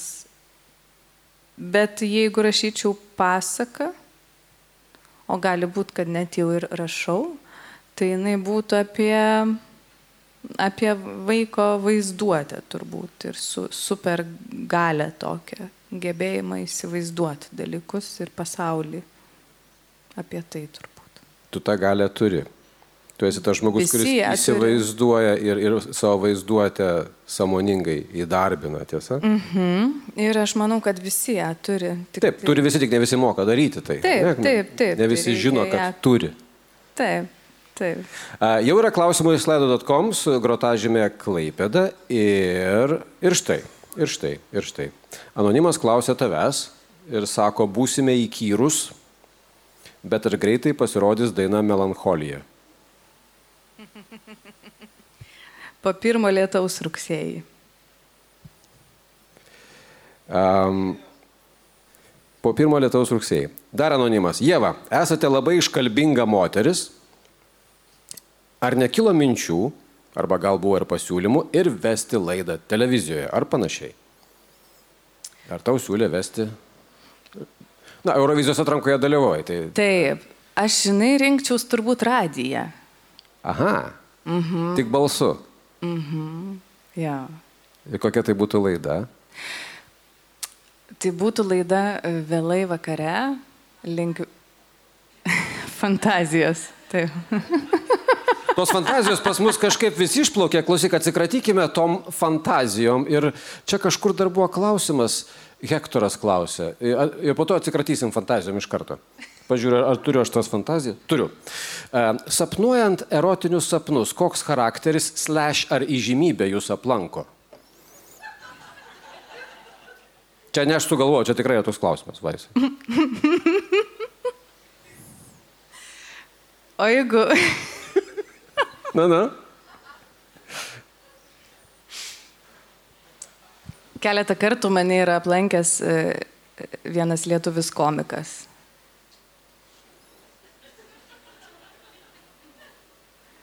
Gerai. Fantazijos LT. Tau dovanų. Gerai, kad nebespaudžiat toliau. Ačiū. Šiaip komikas, er- erotinius sapnus, ką žinau, komikas aplankė. Aš vis dar... Čia ma- nejuokinga, nei visiškai. Žiauriai. Ne, humoras yra labai seksualu. Iki. Visada Aha. buvo. Ir visada bus. Tai žinai. Porą gerų juokelių ir fantazijos LT. Tave pasamdys greitai e, balsu būti šitų fantazijų. O sutiktum? O gal net būtų galima vesti erotinę radio Laidą. laidą vakaro. tokią. Psichoerotinė. Mhm, kur paskambini ir tiesiog, jeigu nesimiega, tai lankai nesapne, Vi- balsu. Vidurnakčio kompleksai vadintųsi. Ko- Kompleksas. Kompleksas. Su, o. Kompleksas. Taip, taip. Vidur... Aš turiu tų minčių. Aš rašiau kažkada siūliau vienam radijui, bet jie kažkaip net netrašė, kad gavo mano pasiūlymą. Žinai, dažniausiai aš galvoju, kad tokias laidas maloniau vesti, negu jų klausytis. Tai reikia samdyti auditoriją, kad kas nors norėtų visą tai girdėti. Bet daug pradedančių grupių pradeda nuo tokio paties uh, modelio, kad jie samdo draugus, kad eitų jų pirmus koncertus. Tai man tai nebūtų kažkas labai naujo. Aš nuo to pradėjau prieš 20 metų galėčiau ir dabar pa pasakyti bangas, kuriomis reikėtų įsijungti mane per prievartą ir tą reitingą kelt. O tada žmonės jau užsikabina vis tiek, aš manau, įpročio gale yra. Na gerai, tu sakai, grįžtant prie pirmosios mūsų dalies, mes šnekėjom, kad tu Švedijoje neišturėjai ir pradėjai dainuoti. Ir, o gerai, bet o tavo kaip psichologės dabar, kur yra, kokioje spintoje padėta profesija, diplomas, ką jis veikia? Nieko, dulka. Visiškai nieko. Kiek man žinoma. tai jis ten tiesiog būna ir, ir tiek. Bet aš manau, mm, aš ir kitą turiu atsakymą į šitą klausimą. Aš manau, kad aš tiesiog savo dainomis ir savo koncertais aš optimizavau psichologo darbą. Aš vienu metu galiu konsultuoti 500 žmonių, o ne vieną. Tai iš karto reikėjo eiti į kunigus. Tai ko tu... Klausyk, kažkas sureagavo į tą komiką. Ir prašo patvirtinti, kad tai ne Orlauskas.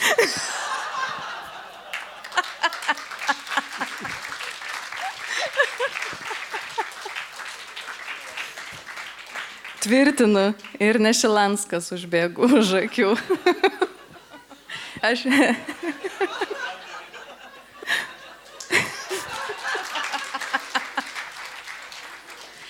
Aš prašiau, sakiau, Dieve mano, tik, tik pasikalbėjimą, ne, ne man tas tegul veda. Aš ne, negalėsiu susikaupti. Tau būtų buvę daug linksmiau. Tau būtų buvę daug linksmiau. Po dabar tau tenka... to, ką mes patyrėm. Dabar, dabar tau tenka linksmintis vienai. Gerai, o Naisių festivalyje tu groji? Kažkaip pirma dalis man labiau patiko. Naisių festivalio? Šito festivalio. Aš ten gavau tokius truputėlį jau kažkur girdėtus klausimus, o čia tokie kažkokie suktesni. Kodėl tu žiūri ekraną? Ramūno laukiu. Rėmė, rėmėjasi, bet. Aš Ramūno laukiu, galvoju. Čia šiaip lošimas vyksta. Lošimas. Grojau du kartus. Kodėl? Ką nežinojai? Ir žinojau, nes esu iš Šiaulių, Mhm. O naisiai visai arti. Taip. Ir, e, ir žinojau, ir grojau vis tiek. Ir dėja. Ir klausimas nuo anonimo į temą. Gerbiama Jėva Narkutė, iš didžio, didžiosios, kad būtų aišku, kad be klaidos. Ar jūs dainuojate užsakomosiuose renginiuose, vestuvėse, privačiuose renginiuose ir panašiai? Iš naisių rašo? Ne. Bendrai aš nežinau, anonimas rašo. Anonimą. Aš dainuoju visur, kur pakviečia ir kur, nu, ne visur, kur pakviečia, bet dainuoju taip. Ir vis stebiuosi, kaip yra tokių porų, kurios pasirenka pirmam šokiui raudonus vakarus gyvai atliekamos. Aš galvoju, tikrai nuo to jūs pradėsit savo šeimininį gyvenimą, aš atgulsiu, tu pareisi. Wow! Arba man atgulus nesugrįžai. Nu, žodžiu. Bet aišku. Mano Lietuva bedalė. Tai jinai dabar tikrai bedalė, nes jinai jau su gitanu keletą metų. Bet... e,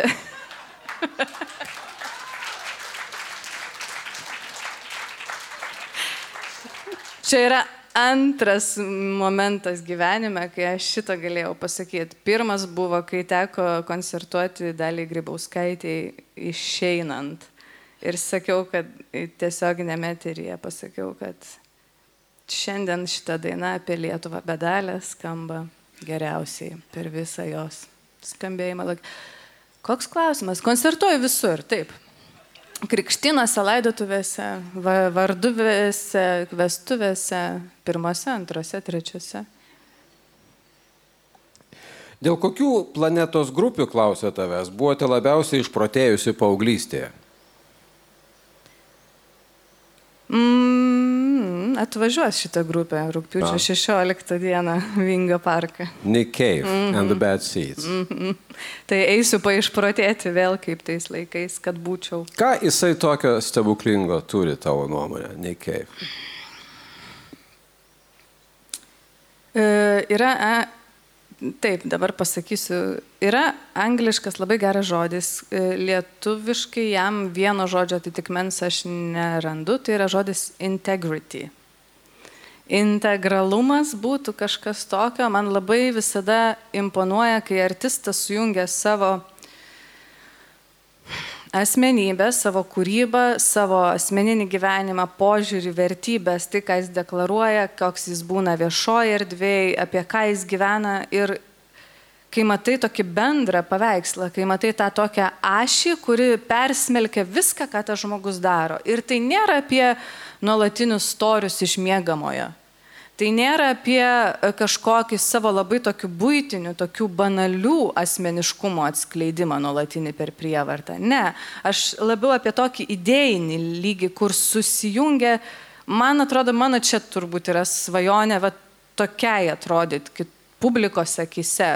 Nu, tokiai tikrai pakankamai, ne, nesislepiančiai už nieko ir, ir tuo pačiu rodančiai labai drąsiai savo vat, požiūrį į gyvenimą, per savo kūrybą, per savo pareiškimus, per nu, tokį nenusišalinimą nuo svarbių dalykų, nuo svarbių temų. Ir man atrodo, Nikas Keivas yra puikus pavyzdys, kaip net iš, net iš pačių rūkščiausių pasaulio ir gyvenimo citrinų išspausti tokį limonadą, kuris būtų labai aukštos prabos.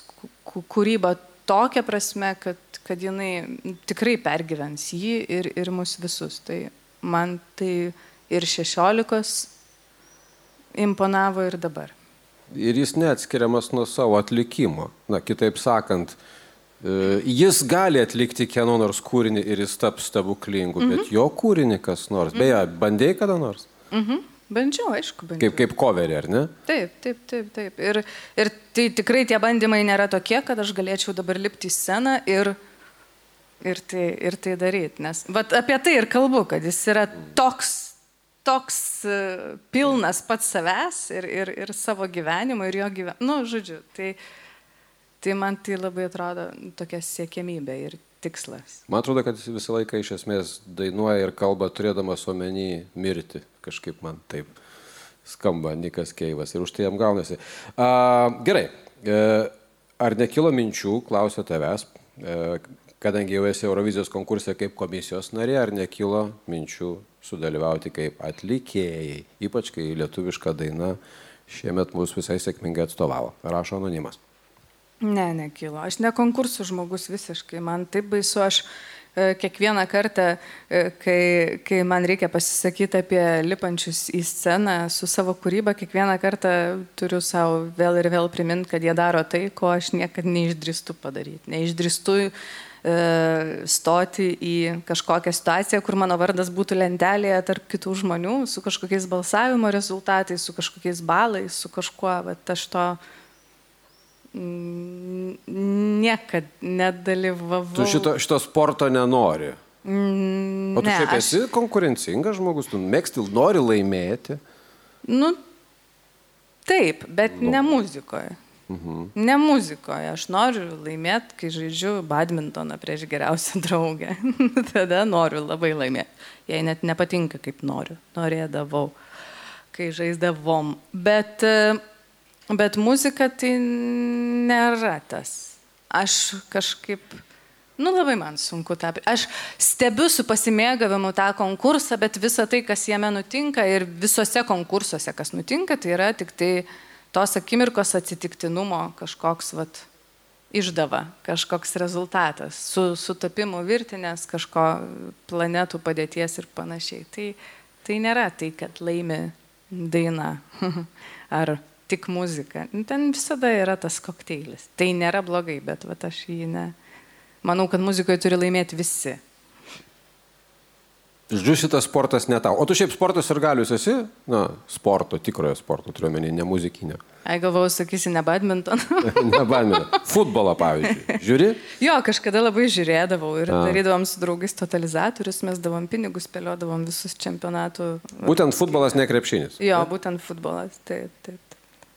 O dabar kažkaip taip nu, nuslopo, nežinau, bet man... Kad nelabai pas mus su to futbolu. Nu, dabar pagerėjo, dabar truputį yra pagerėję. Nu, tais laikais, kai Vilniaus totalizatorius darydavom irgi nelabai. Žalgeris nugalėjo Malmę, taip kad čia jau didelė pergalė. Edu, Edvardas tavęs klausė, kas tave inspiruoja kūryboje.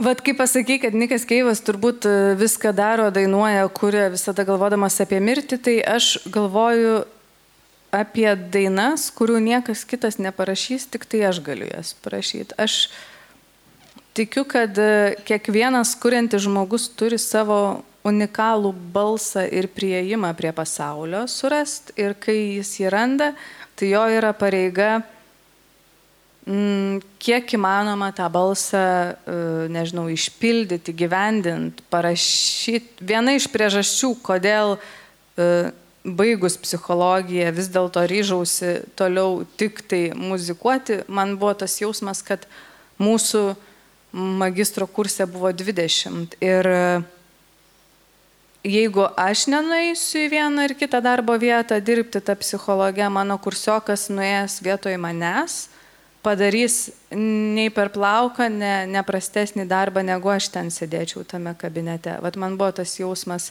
kad mes visi, vi- tarsi tuo momentu, kai baigėme, buvom vieni kitais pakeičiami, visi vienodo neblogo lygio paruošti jauni specialistai. Bet taip pat buvo ir labai stiprus jausmas, kad jeigu aš neparašysiu tų dainų, kurias man reikia parašyti, tai jų niekas neparašys. Aš tik tai aš turiu narkutės dainas parašyti. Ir mane tas turbūt labai inspiruoja, kai, nu, kai aš suprantu, kai man žmonės, publika, klausytojai vis patvirtina, kad Vat būtent mano tas prieimas, būtent mano balsas, būtent mano tekstas, būtent mano viena ar kita mintis ir rado raktą į jų širdį, į jų, į jų pasaulį, į jų savijautą, į jų dieną, į jų metus, į jų visą gyvenimą. Tai mm, tas man vėl ir vėl patvirtina, kad čia yra tokia, toks etatas, tokia misija, toks darbas, kur atradęs tu įsipareigoji važiuoti ir daryti, nes nėra taip lengva. Rasti kažką, kas vietoj tavęs tas dainas parašys. Parašys milijonus kitų dainų, bet tai bus kitos dainos, kitų žmonių. Reikia proto turėti, šitaip įsimylėti. Tu labai skaniai tari žodžius. Tau pačiai yra tas jausmas, ar tik tai mums, mums klausantis, tai bent jau man klausantis toks susidaro įspūdis, kad tu mėgaujasi net pačiu skambesiu. Taip yra, žodžio. taip, taip yra. Aš kai renkuosi, anksčiau daugiau rinkdavausi poezijos e, jau parašytos dainoms, dainų tekstams. Tai aš visų pirma girdžiu akustiškai, o tik paskui pagalvoju apie prasme eilėse, ka- kas ten įdėta, bet man turi skambėti ir vat, kalbu ir mėgaujuosi. Jo, įdomu, kad tu esi rašiusi dainas ir pagal Parulskį, sakykime, tai nebūtinai turi būti tavo tekstas. Taip. ne- nesi tiek pavydi tam tekstui, kad čia tik mano, tik būtinai. Ne, ne, bet jeigu vat, bus kažkaip pagavus, skanu ir, ir, ir akustiškai gražu, o, o taip aš labai moku mėgautis akustiškai ir man labai skauda, kai negražiai skamba kažkas. Yra tokių žodžių, kurie taip priežia ausį, kai jie kažkokiu būdu išprievartaujami ir įdedami į dainos tekstą. Kad, O, wow. o būna taip, kad tu na, sugebi, ieškai, kaip čia tokį žodį, koks dar niekada dainoje neskambėjo, žinai, supoetinti. Nekeliu savo tokio iššūkio, nes žinau, kad kai kuriuos žodžius poetink, nepoetinės, nieko ten iš jų nebus. Vat prieš savaitę dainavom e, su Samu Vinga parke anties pokštą ir man tiesiog strigo gerklėje ta frazė, kaip celiuliozės fabrikė.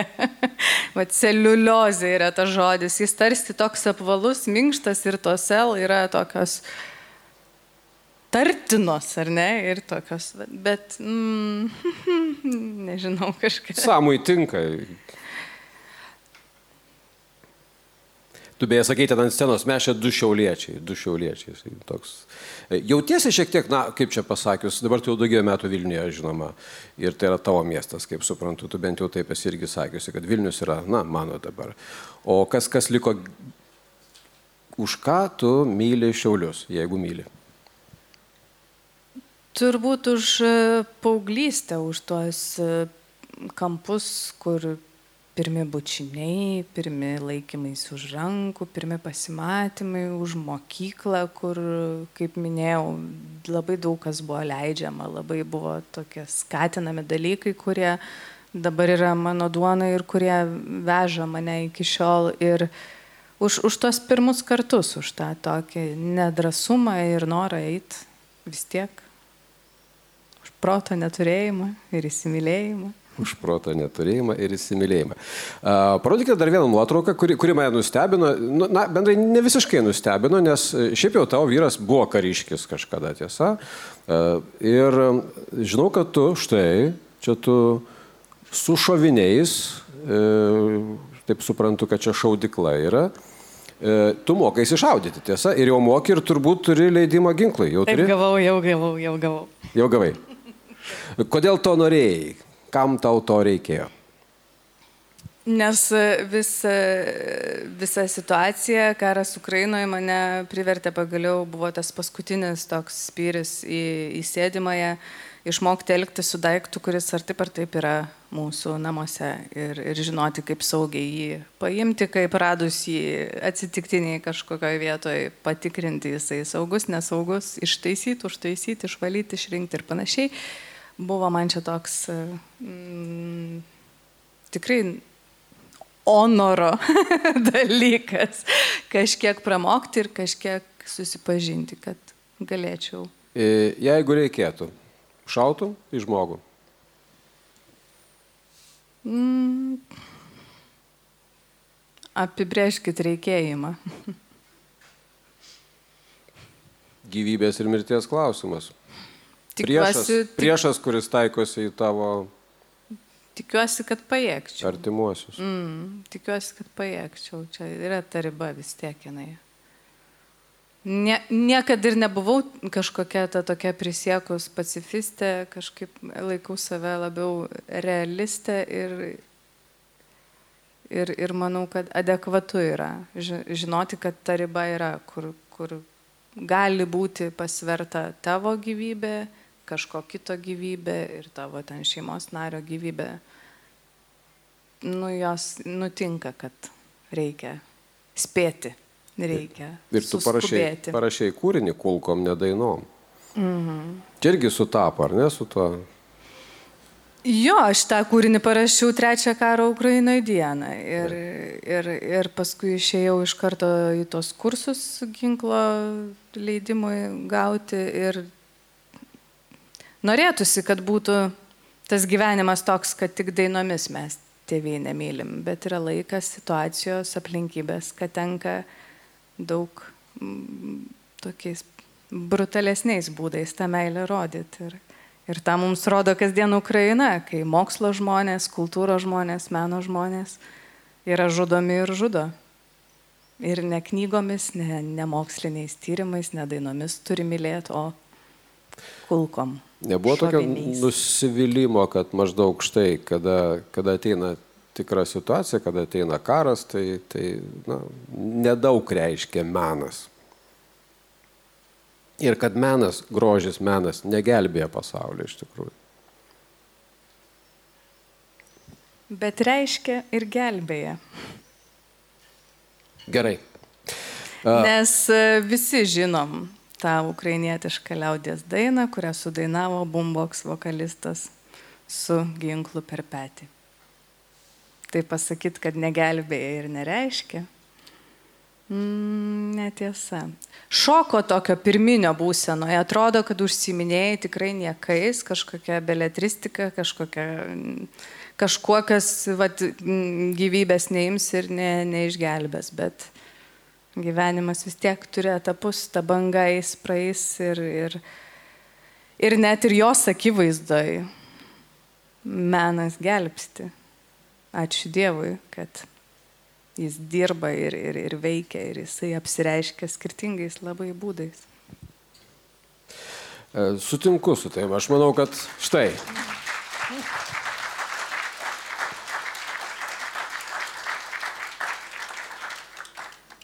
Manau, kad mes dabar tą iš tikrųjų kaip tik ir sužinojome, gavome patikrinti. Gerai, prie linksmėsnių dalykų einam toliau. Tomas tavęs klausė, pasakyk, kas yra tavo gyvenimo herojus.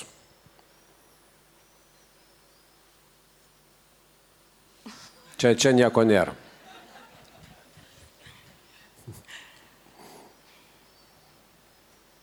Aš neturiu gyvenimo herojaus.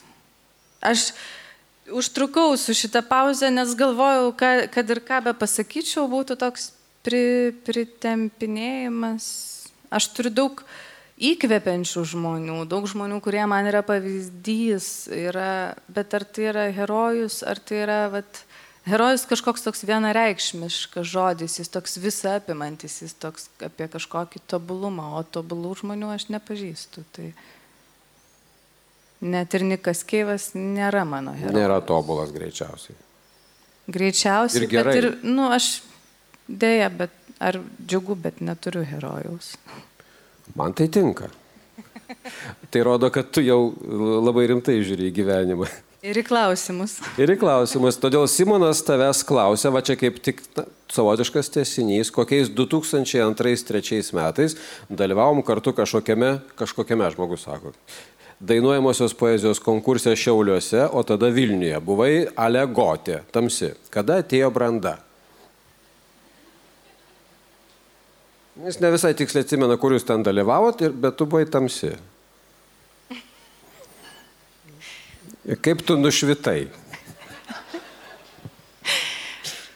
Šią vasarą čia yra antras kartas, kai aš esu vat, interviu metu su, priversta susimastyti apie tai, kaip mane mato kiti žmonės ir apie tai, kaip, e, kad aš jau pasiekiau kažkokį tašką gyvenime, kad jau man galima tokius klausimus uždavinėti. Kada atėjo branda ir kaip?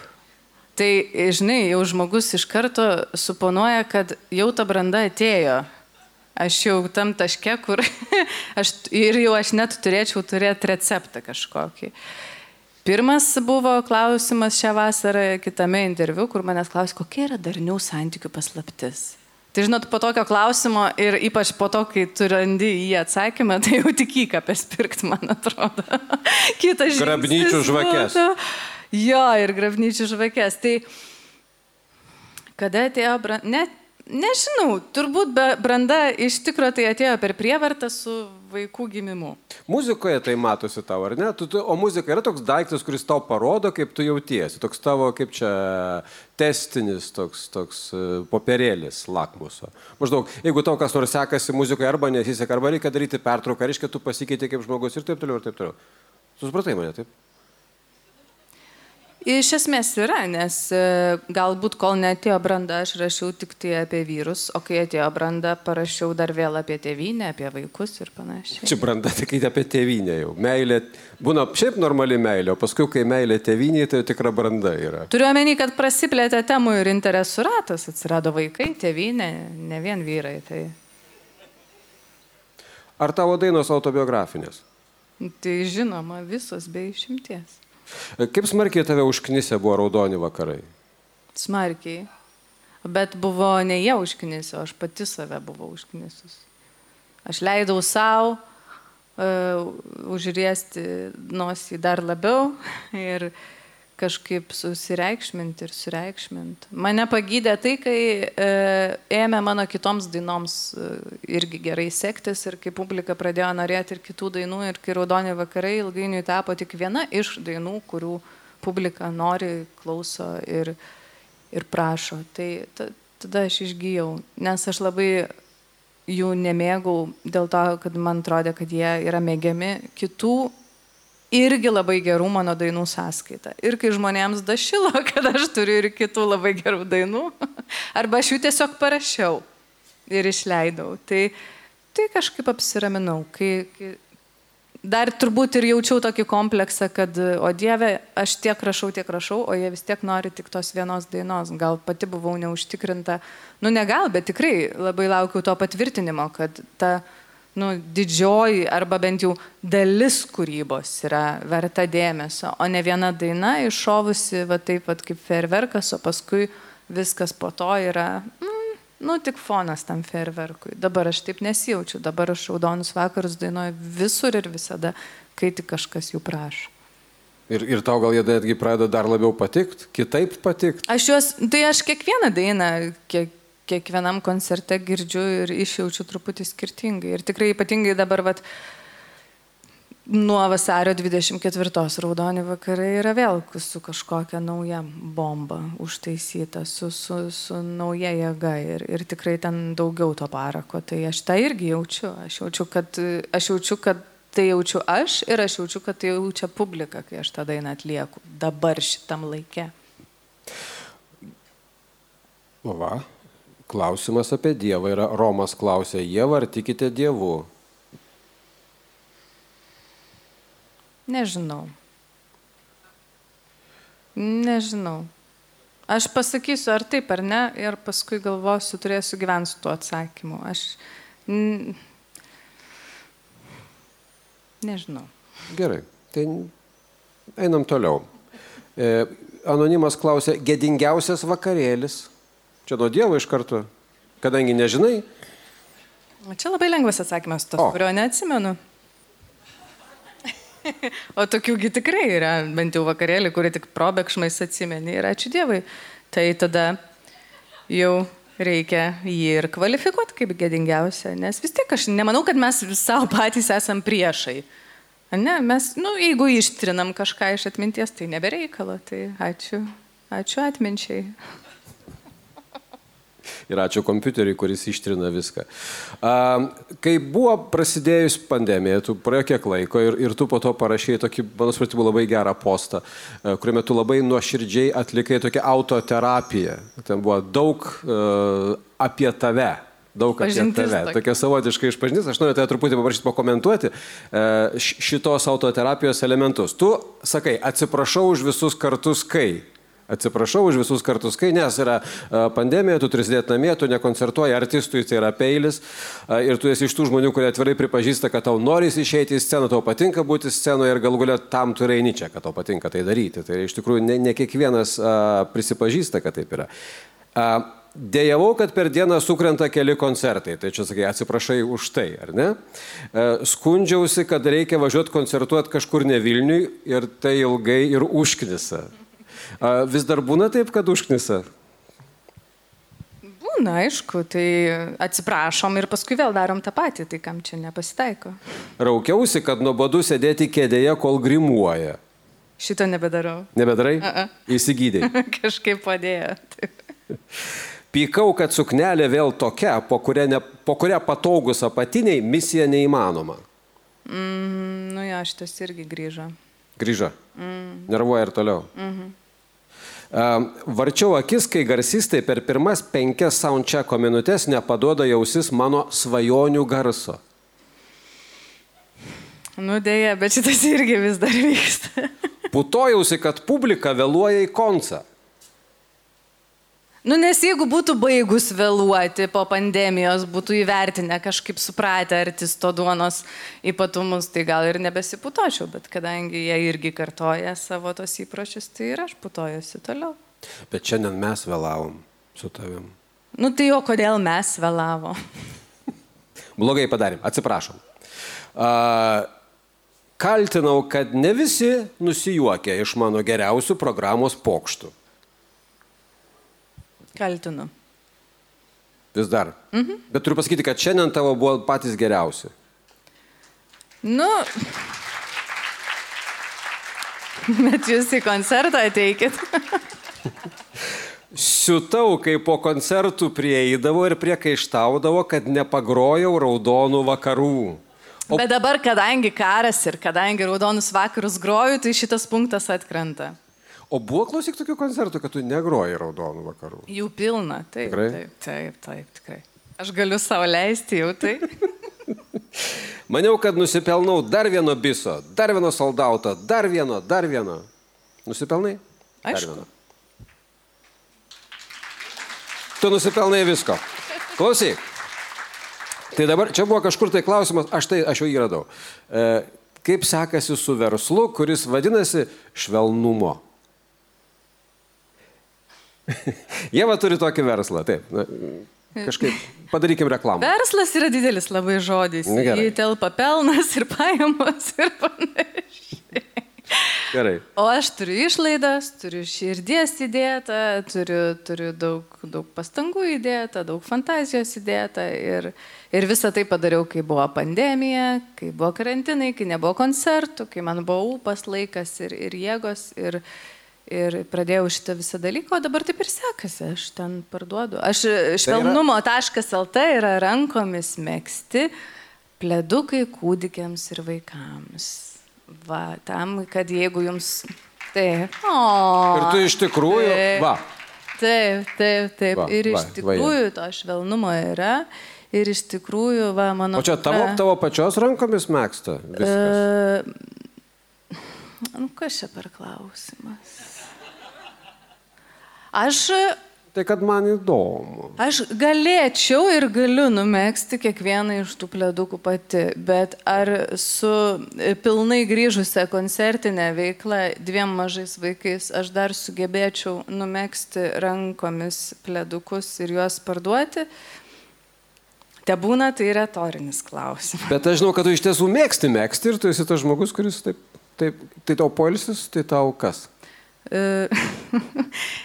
Aš kažkada pamačiau internete labai gerą pasakymą, kuris man atskleidžia visą, e, pa, paaiškina, kodėl ir aš mesgu. Aš mesgu, kad nežudyčiau.